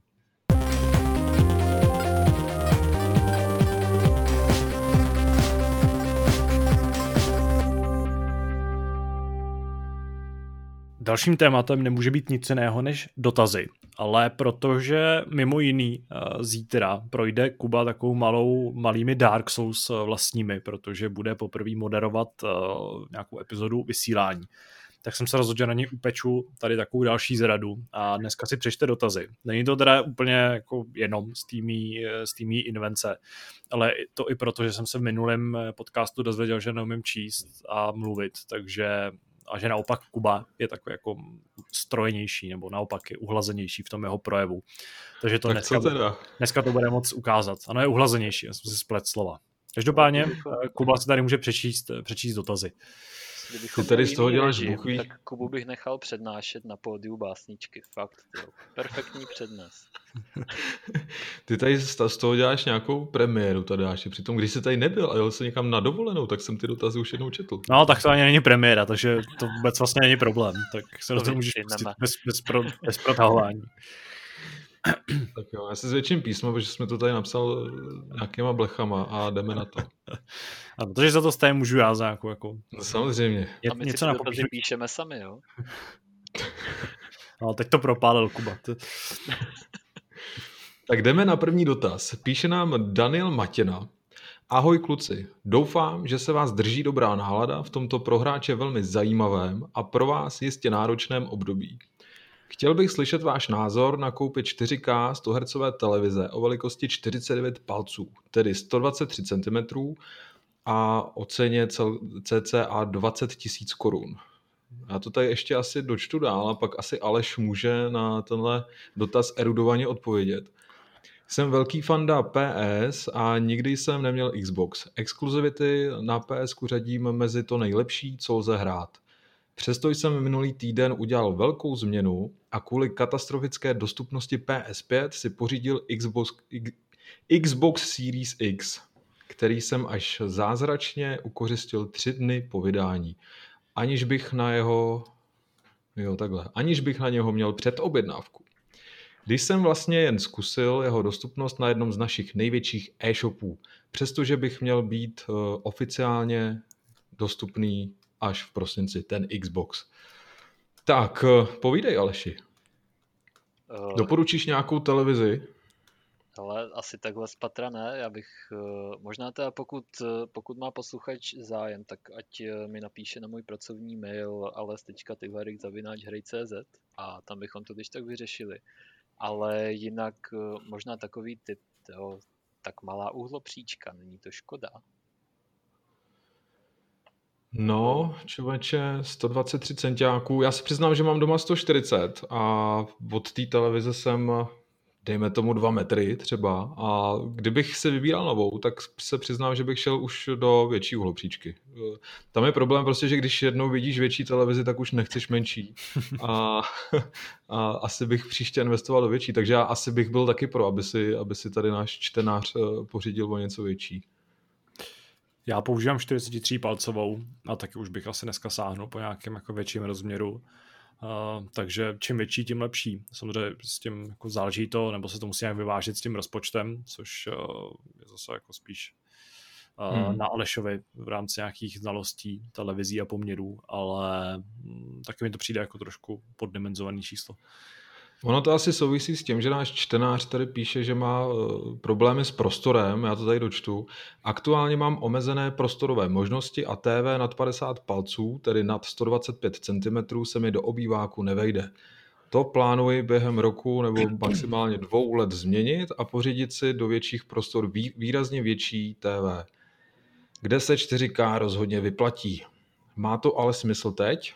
Našel jsem si informace, že rozlišení 4K má reálně smysl až při vyšších velikostech TV, že 4K textury udělají svoji část práce i na Full HD a že je vlastně lepší si na 4K počkat až s plnohodnotnými hrami na novou generaci, které ale přijdou až časem.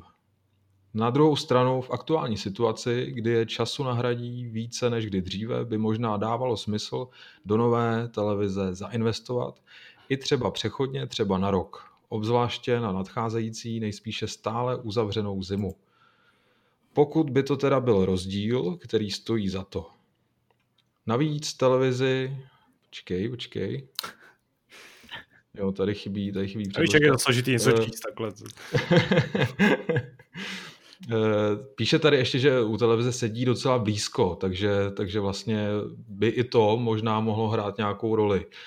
Já se nejsem jistý, já už bych teda možná prohlásil, že rozlišení eh, Full HD, to znamená 1080p, že už je, že už je dneska teda eh, překonaný. A i kdybych poři- pořizoval teda menší televizi, kdybych teda na to neměl ten prostor, tak bych stejně šel do 4K, protože to už je rozlišení, se kterým si poradila už eh, ta generace předchozí, když jsme se teda domluvili, že eh, PlayStation, PlayStation 4 a eh, Xbox One je už minulá generace.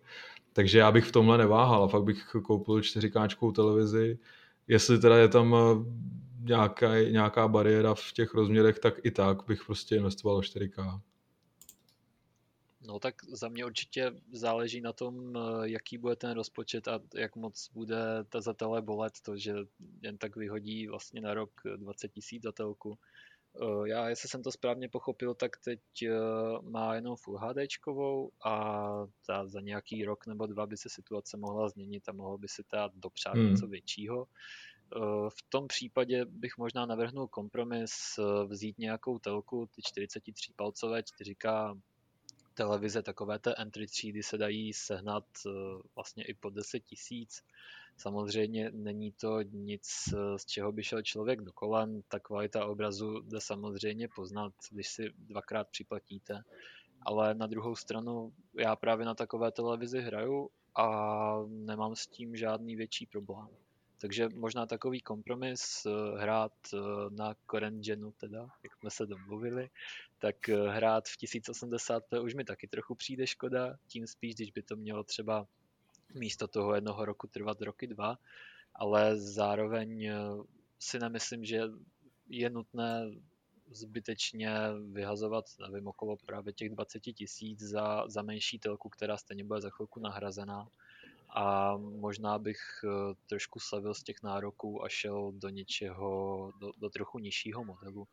On udělá podobnou parádu, jenom třeba nebude mít propracované HDR nebo nebude mít tak rovnoměrné podsvícení. Samozřejmě to nebude OLED panel nebo QLED, ale pokud, eh, pokud vlastně ta zatel sedí, eh, myslím, že dva metry tam bylo řečeno před tou televizí, tak nevím, podle mě, podle mě tohle si myslím, že je takový ideální kompromis. Daniel tady ještě dodává, že by ho vlastně zajímala možnost, že by přešel z Full HD televize, která má 50 Hz, na Full HD, která má 100 Hz. Tak jestli by vůbec tohle dávalo smysl? Já se teda nejsem jistý, eh, jak se třeba cenově Full HD televize dneska pohybujou. Řekl bych, že už je to spíš taková rarita a že, že už se to finančně nevyplatí, ale co se týče těch, eh, těch 100 hercových, tak tam si úplně nejsem jistý, no, jak, to, jak to vůbec je na trhu. A já se teď upřímně dívám do, do nabídky jednoho našeho většího obchodu a já jsem byl v kategorii 4K, tak chviličku, já se, já se podívám, protože taky si nemyslím, že by bylo nějak víc takových televizí. Um, no, nevidím tady 100 Hz ve Full HD ani jedno, takže možná nějaký herní monitor, ale tam zase... Ale to je, to je vlastně jako alternativa, která, která mě napadla. My jsme to řešili už v minulém eh, háporu, že tam je takový malý problém, že třeba PlayStation eh, to, to 2K rozlišení vlastně eh, nebude podporovat a jestli, tak možná až, až do budoucna, když si o to hráči řeknou tak eh, toto se nechali slyšet, že teda by o tom uvažovali, o tady ty možnosti. Ale pak eh, asi možná rovnou teda zkusit, zkusit ty monitory, no, podívat se tam. Eh, ono by to bylo možná cenově zajímavější a zkusit možná to řešit tímhle stylem. No. Těch možností je hodně, není to jednoduchý odpovědět na takovouhle otázku, ale, ale tady píše, že má, že má rozpočet tak do 20 tisíc, no, takže No, já se obávám, že pokud bude chtít tak velký monitor, tak skončí u nějakého ultrawide monitoru, který hmm. jako, nevím, no. Tam zase bude problém u té konzole, si myslím. Protože ty ultrawide eh, monitory mají nestandardní poměry. Já se tady teď třeba dívám poměr stran 32 ku 10. Uh, nejsem si úplně jistý, jestli to PlayStation nebo jestli to Xbox vůbec nějak rozumně se žvíkají. A nevím, no, jako do, do Full HD televize s, s nějakou vyšší obnovovací frekvencí bych eh, nešel. Eh, asi bych buď teda počkal a potom koupil něco pořádnějšího, anebo, jak už jsem říkal předtím, nějakou prostě entry level 4K televizi s tím, že sice 60 Hz, ale nevím, ono, ono taky záleží na tom, jak člověk tohle všechno vnímá, jestli je pro něj, jestli klade důraz na framerate, anebo naopak na rozlišení. A já už jsem to tady vlastně říkal pár podcastů zpátky. Eh, mě ta hranice 60 Hz, i když vlastně používám třeba telefon s vyšší obnovovací frekvencí, tak už mi přijde dostatečná na to, aby, aby člověkovi přišlo, přišel ten obraz a to hraní plynulé. Takže asi bych zůstal právě u toho 4K 60 Hz, aspoň zatím, a potom v budoucnu, až, až se bude kupovat nějaká ta zajímavější větší telka, tak eh, už naplno přešel k těm 100 Hz.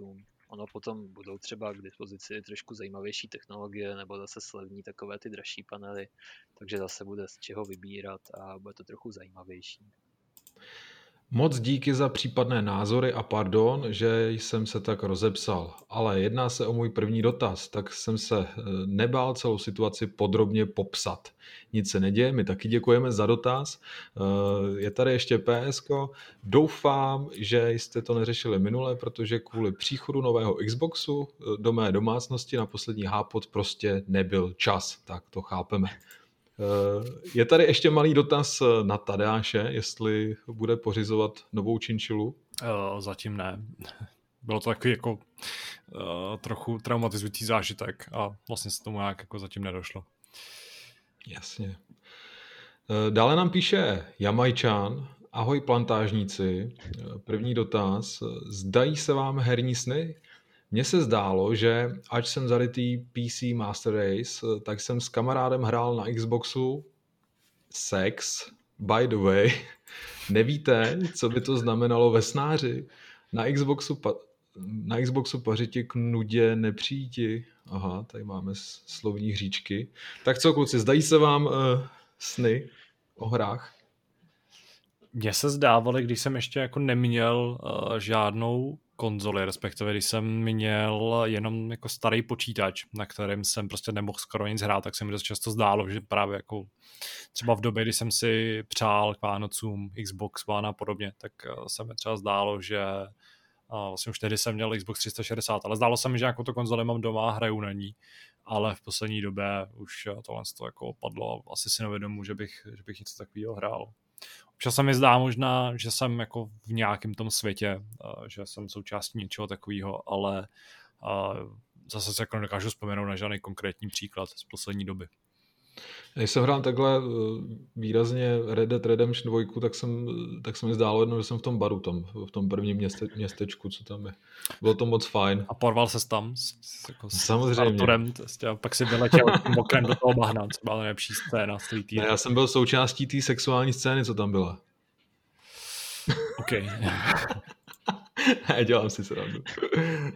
No, mně se takové sny asi nezdají tady v tomhle smyslu, ale co se mi stávalo celkem často, já jsem měl ve svém prozatím relativně krátkém životě některé takové etapy, kdy jsem fakt eh, do zemdlení hrál eh, takové jednoduché hříčky typu Spider Solitaire nebo nějaké Match 3 hry.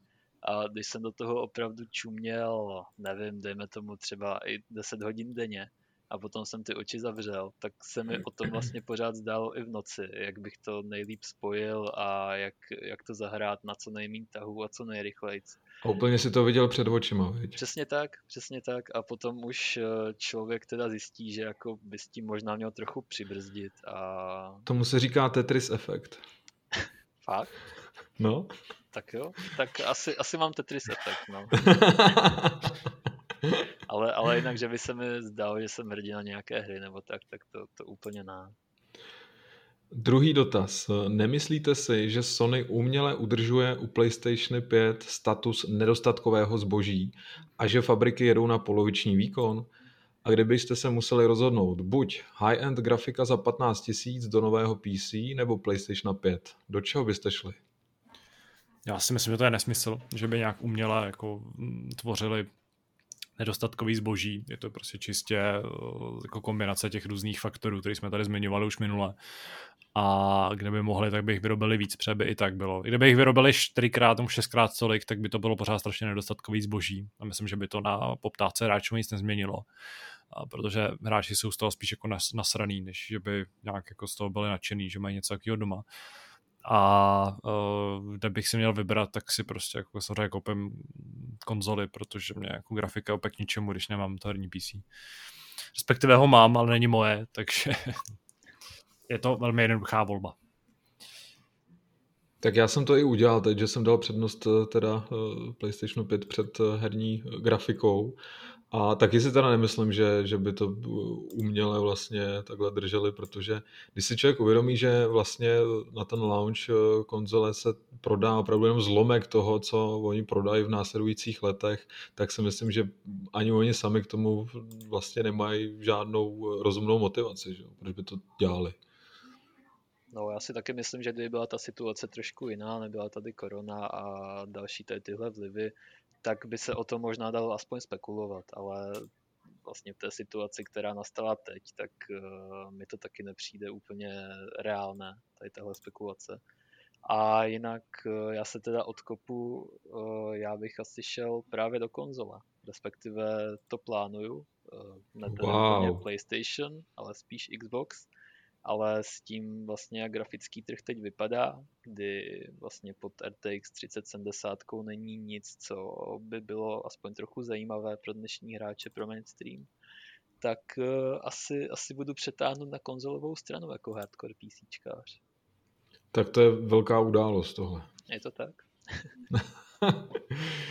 Píše nám i Siebenburgen, Zdravím kluci, předem velké díky za hru týdne, bohužel teď eh, jsem nestihl poslední dva streamy z časových důvodů, ale koukám ze záznamu. Tak Ještě upozorňuji, že tohle to jsou, už jsou dotazy, které jsme v minulém týdnu eh, trestu hodně opomenuli. Tak Takže to se omlouváme a samozřejmě moc děkujeme za, za to, že sleduješ eh, naše streamy, máme velkou radost. A dotaz na nové dva Xbox Series, pokud už nebudou zodpovězeny jaká je, kon, jo, takhle, jak je konzole hlučná například u nějakých, řekněme, náročnějších her.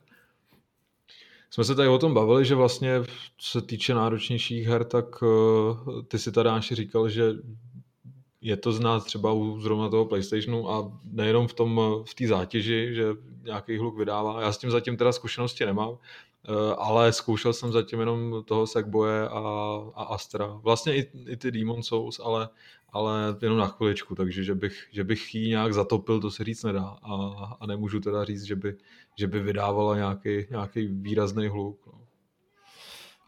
Xbox je tichá konzole, naprosto z, z toho, co zatím jsem uh, měl možnost slyšet, vyzkoušet. Tak... I v zátěži. Přesně tak, i v zátěži. Vlastně je tam jako ten rozdíl neznatelný. I... Esko jsem nezapínal na ně, takže tam nemůžu, nemůžu soudit. A myslím, že to by mělo být taky tichý. Zase jsem teda na Twitteru viděl, že Esko může mít nějakou jako výrobní vadu, kdy dost zvláštně rachtá, ale opět to je jako výrobní vada a to je dost ojedinělá záležitost, kterou jako nemůžeme úplně generalizovat. Pak je tady dotaz na to, jak se konzole zahřívá, o tom už jsme se taky bavili několikrát Eh, asi v tomhle háporu, pokud si dobře vzpomínám. Eh, a můžete porovnat, jestli máte tu možnost eh, s počítačem, jestli se jedná opravdu o ten next gen do budoucna, nebo jestli dle mého názoru za dva roky opět budou obě konzole opět proti PC ztrácet. Ale těžko jako srovnávat konzole s nějakým high-endovým PC, to asi, to asi opravdu nejde, ale když si člověk uvědomí, že že na to vycházejí hry, které na PC ani nejsou, nehledě na to, že jsou optimalizovaný přímo na ten stroj, tak, tak si myslím, že nějaké výhody tam jsou. Nehledě na to, že, že ta hlavní výhoda je taky v ceně, protože za tu konzoli dáš třeba, já nevím, 13,5 tisíce a máš, a máš vystaráno, no. Na pár let zase ta cena je samozřejmě obrovský faktor. Ono už z principu nemůže konzole držet eh, prst na tepu doby, jak to krásně říkáme, eh, tak dlouho jako, nevím, PC, za které byste teď dali třeba 50 tisíc. Samozřejmě jde, jde o nějakou jednoduchou logiku. Eh, ty komponenty, které v dnešních konzolích jsou, si myslím, že jsou určitě nadimenzovanější než ty, které byly třeba v PS4 a Xboxu už jenom proto, že třeba ten procesor, který AMD teď dodává, tak je výkonem úplně někde jinde. Takže myslím si, že dnešní konzole by měly držet eh, tempo z PC delší dobu, ale zároveň bych opravdu nečekal, že na konci konzolové generace to bude pořád 50-50 a tam už eh, to, co bude vlastně k dispozici k počítačům, ta v počítačích, tak uh, už bude zase někde trošku jinde. Ale jak už Kuba řekl, ta optimalizace na konzolích dělá hrozně moc. optimalizovat hru na PC, kde těch kombinací hardwareu je opravdu nespočet a udělat dobře optimalizaci na konzole, které jsou prostě v případě Xboxu jsou dvě, nebo respektive pokud bereme i předchozí generaci, tak jich je trochu víc, ale pořád jsou to nižší jednotky. V případě PlayStationu samozřejmě ještě méně Eh, je to obrovský rozdíl, takže tam eh, potom i díky tomu dokážou ty konzole držet eh, to tempo trošku díl a i v závěru se dočkáme určitě zase her, které budou i na konzolích vypadat tak dobře jako hry na výkonných písničkách. Poslední dotaz je od Ketmjause. Vážená redakce, s dovolením si trochu rýpnu. Neberte to prosím nějak zle. Když už v minulém podcastu padlo Ettenborovo jméno, chtěl bych se zeptat, jestli uvažujete nad uhlíkovou stopou vašich herních zařízení. Koupili byste si méně výkonný stroj a menší TV s vědomím toho, že vaše, her, že vaše hraní nežere 900 W, ale třeba jen 600? Přeji hezký den. Ne. Koupili byste si Xbox Series S? Já jsem na to uh, asi moc velký pokrytec, takže bohužel jako ne. Já si myslím, že aspoň teda, co jsem dneska zapínal PlayStation, tak jsou tam pokročilé možnosti ohledně úsporného režimu, hmm. nehledě na to, že si můžeš nastavit, kdy eh, se ti konzole vypíná, kolik žere a přímo to tam máš eh, napsaný. Takže já si myslím, že ty možnosti jsou i u těch výkonných strojů. Ale já se teda přiznám, že svoji uhlíkovou stopu řeším trošku jinak. Například, že jezdím MHDčkem, což třeba tady až říct úplně nemůže. já špatně, že jo, prostě já se nemůžu do redakce dostat pohodlně mm, hromadnou. Když jsme ještě sídlili v Holešovicích, tak to jsem jako na auto skoro ani nepomyslel. No, dobře, pak už jo, ale v jsme jako na auto ani nepomysleli a když už, tak jsme s ním jezdili třeba tři, což prostě ten tu stopu aspoň trochu uh, zredukuje. A teď máš, teď máš ještě nějakého hybrida k tomu, ne? Takže... No, přesně tak. Tak no, vidíš, co děláš hezký, hezký věci pro naši planetu. A co Aleš? Uh, já už jsem se vyjádřil na začátku, já to si úplně neřeším. Uh, to bych byl asi... Měl bys, ale měl bys. Uh, Fakt si pust ten, ten uh, seriál, nebo to je vlastně jednodílný dokument uh, na tom Netflixu a mě to hodně vzalo za srdce, teda, když jsem to viděl. Uh, ale já nechci být zlý, ale mě to prostě nezajímá. Ne, no, ty jako, jsi hrozný ne, cynik, no to víme, ale... Ale, ale ne, ne, ne, aby to nevyznělo špatně, jo. Nemyslím si, že tady v tomhle smyslu jsem nějak horší než ostatní lidi. Samozřejmě třídím odpad, využívám MHDčko, takovéhle věci, ale zároveň opravdu dívat se u koncových zařízení nějakých na spotřebu nebo tak, to jsem fakt nikdy neřešil řešit to budu možná v případě, až, až prostě budu mít nějaký barák nebo něco a budu řešit, kolik co žere, ale u PC nebo něčeho mě to v tuhle chvíli fakt úplně nezajímá. OK, tak to je z dotazů vše. Máš tam ještě něco navíc, Taráši? Nemám, myslím, že jsem dal dohromady. Ještě teda pro jistotu zkontrolujeme naší aktuální podcastovou novinku, jestli tam něco nepřibylo, z těch posledních pár minut nepřibylo, takže myslím, že můžeme velmi eh, plynule přejít k našemu poslednímu tématu.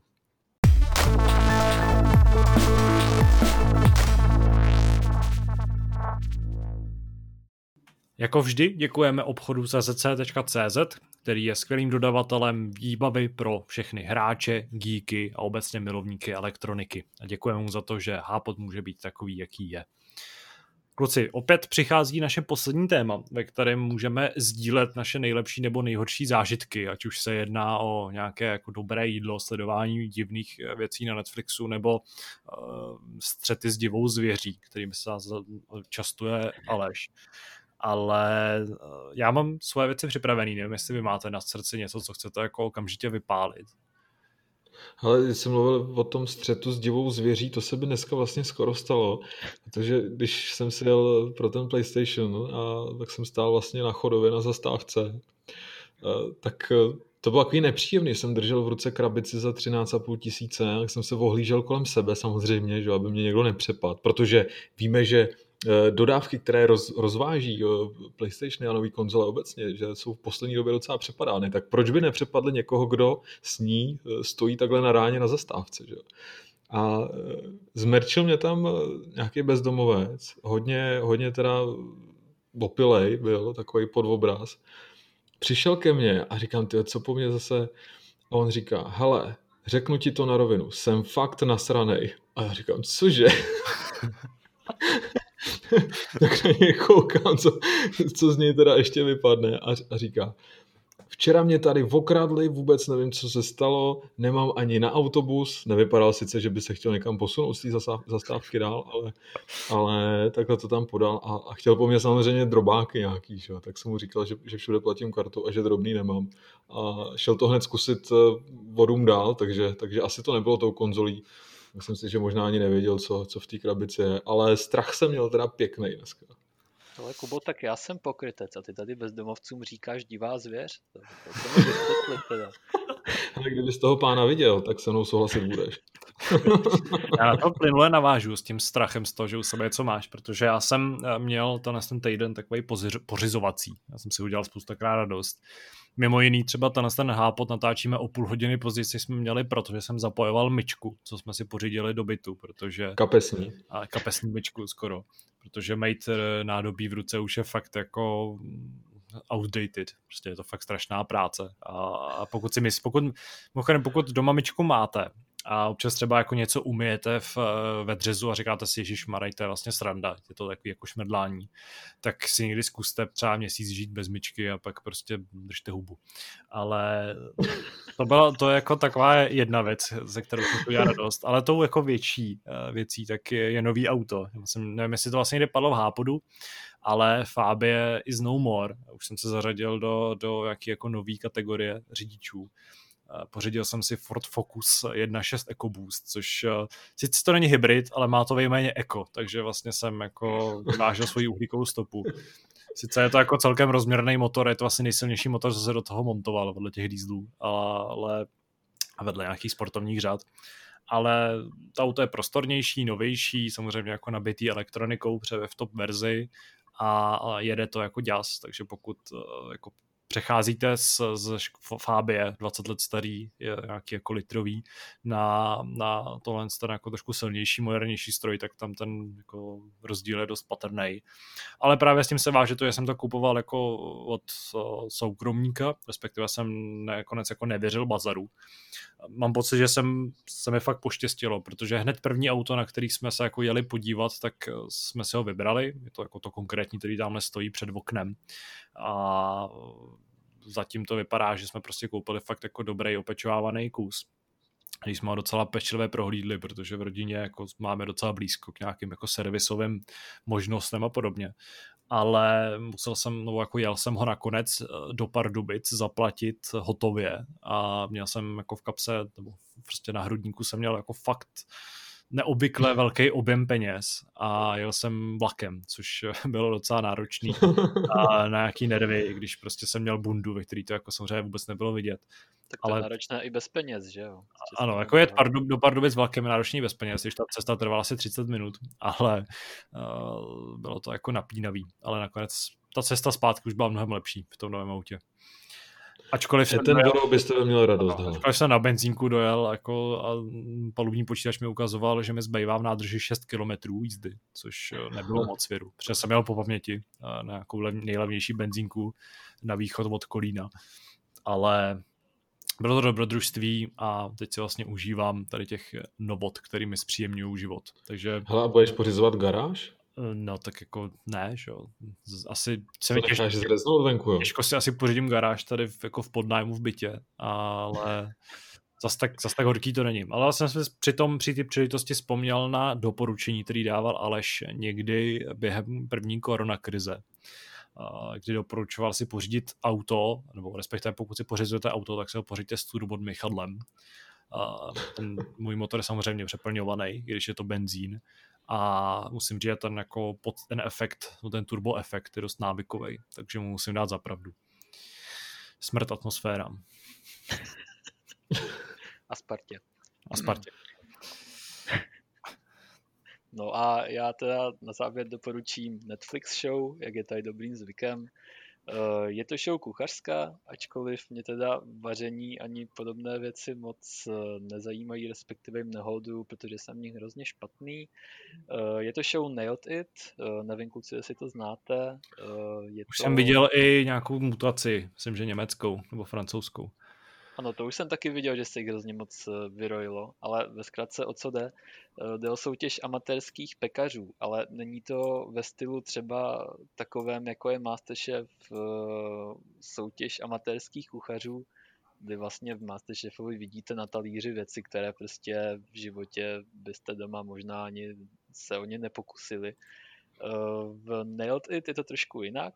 Eh, tři soutěžící dostanou za úkol udělat eh, ve dvou kolech dost složité pekařské věci a tím, že jsou opravdoví amatéři, tak to, co z nich občas vyleze, naprosto prostě parádní. Eh, ať už se pokoušeli třeba o dort s Trumpem, nebo obřího klauna, případně obřího hada. Člověk se u toho opravdu zasně, je to taková nenáročná zábava. A co je na tom vlastně úplně asi nejzábavnější, tak je ta hlavní eh, moderátorka Nicole Bayer, která má vlastně naprosto úžasné vtipy, neuvěřitelné množství energie a každý díl z ní vypadne minimálně pět hlášek, které stojí za zapamatování. Takže pokud eh, trápí vás eh, koronakrize, tak jako nás ostatní jste zavření pouze doma a chcete se u něčeho pobavit, tak nejot i na Netflixu. Já jsem tomu chtěl něco dodat, ale úplně vypadlo co. Jsme Spartě. ano, jsme Spartě. Takže jo, vlastně už vím, já bych hrozně chtěl, aby Nailed It dostalo českou mutaci. Že? Že to je přesně seriál, který by se měl adaptovat eh, v našich, eh, v našich luzích a hájích. Protože mám pocit, že u takových věcí jako Peče celé Česko nebo Masterchef je přece jen ta, ta studnice těch soutěžících docela uh, mělká, respektive si nejsem jistý, jestli se tady vlastně najde tolik talentovaných lidí, kteří jsou zároveň ochotní jako jít do televize dělat nějakou zábavu. Což se ukazuje v Masterchefovi z hlediska toho talentu a v Peči celá země z hlediska nějakého toho charakteru a sympatičnosti. Ale v tomhle ohledu právě stačí najít jenom fakt jako divný lidi, co neumějí nic, co jako neumějí vyrábět ty dezerty a je to prostě fantastická zábava. A myslím, že prostě v zemi, kde eh, výměna manželek a prostředno tvoří jako vrchol televizní zábavy, tak eh, by se tohle jako velmi, velmi uchytilo. S tím se s vámi rozloučí Hápot s pořadovým číslem 770. Já děkuji za spoluúčast Alešovi. Ahoj. Děkuji taky Kubovi. Nazdárek. A děkuji i vám, že jste si tenhle ten podcast poslechli až sem, pokud, pokud právě slyšíte tenhle ty slova. Uslyšíme se zase příští týden, uh, uvidíme se samozřejmě mnohem dřív u nějakých vysílání, u, u samozřejmě našeho bohatého textového programu a podobně. Mějte se hezky a ahoj.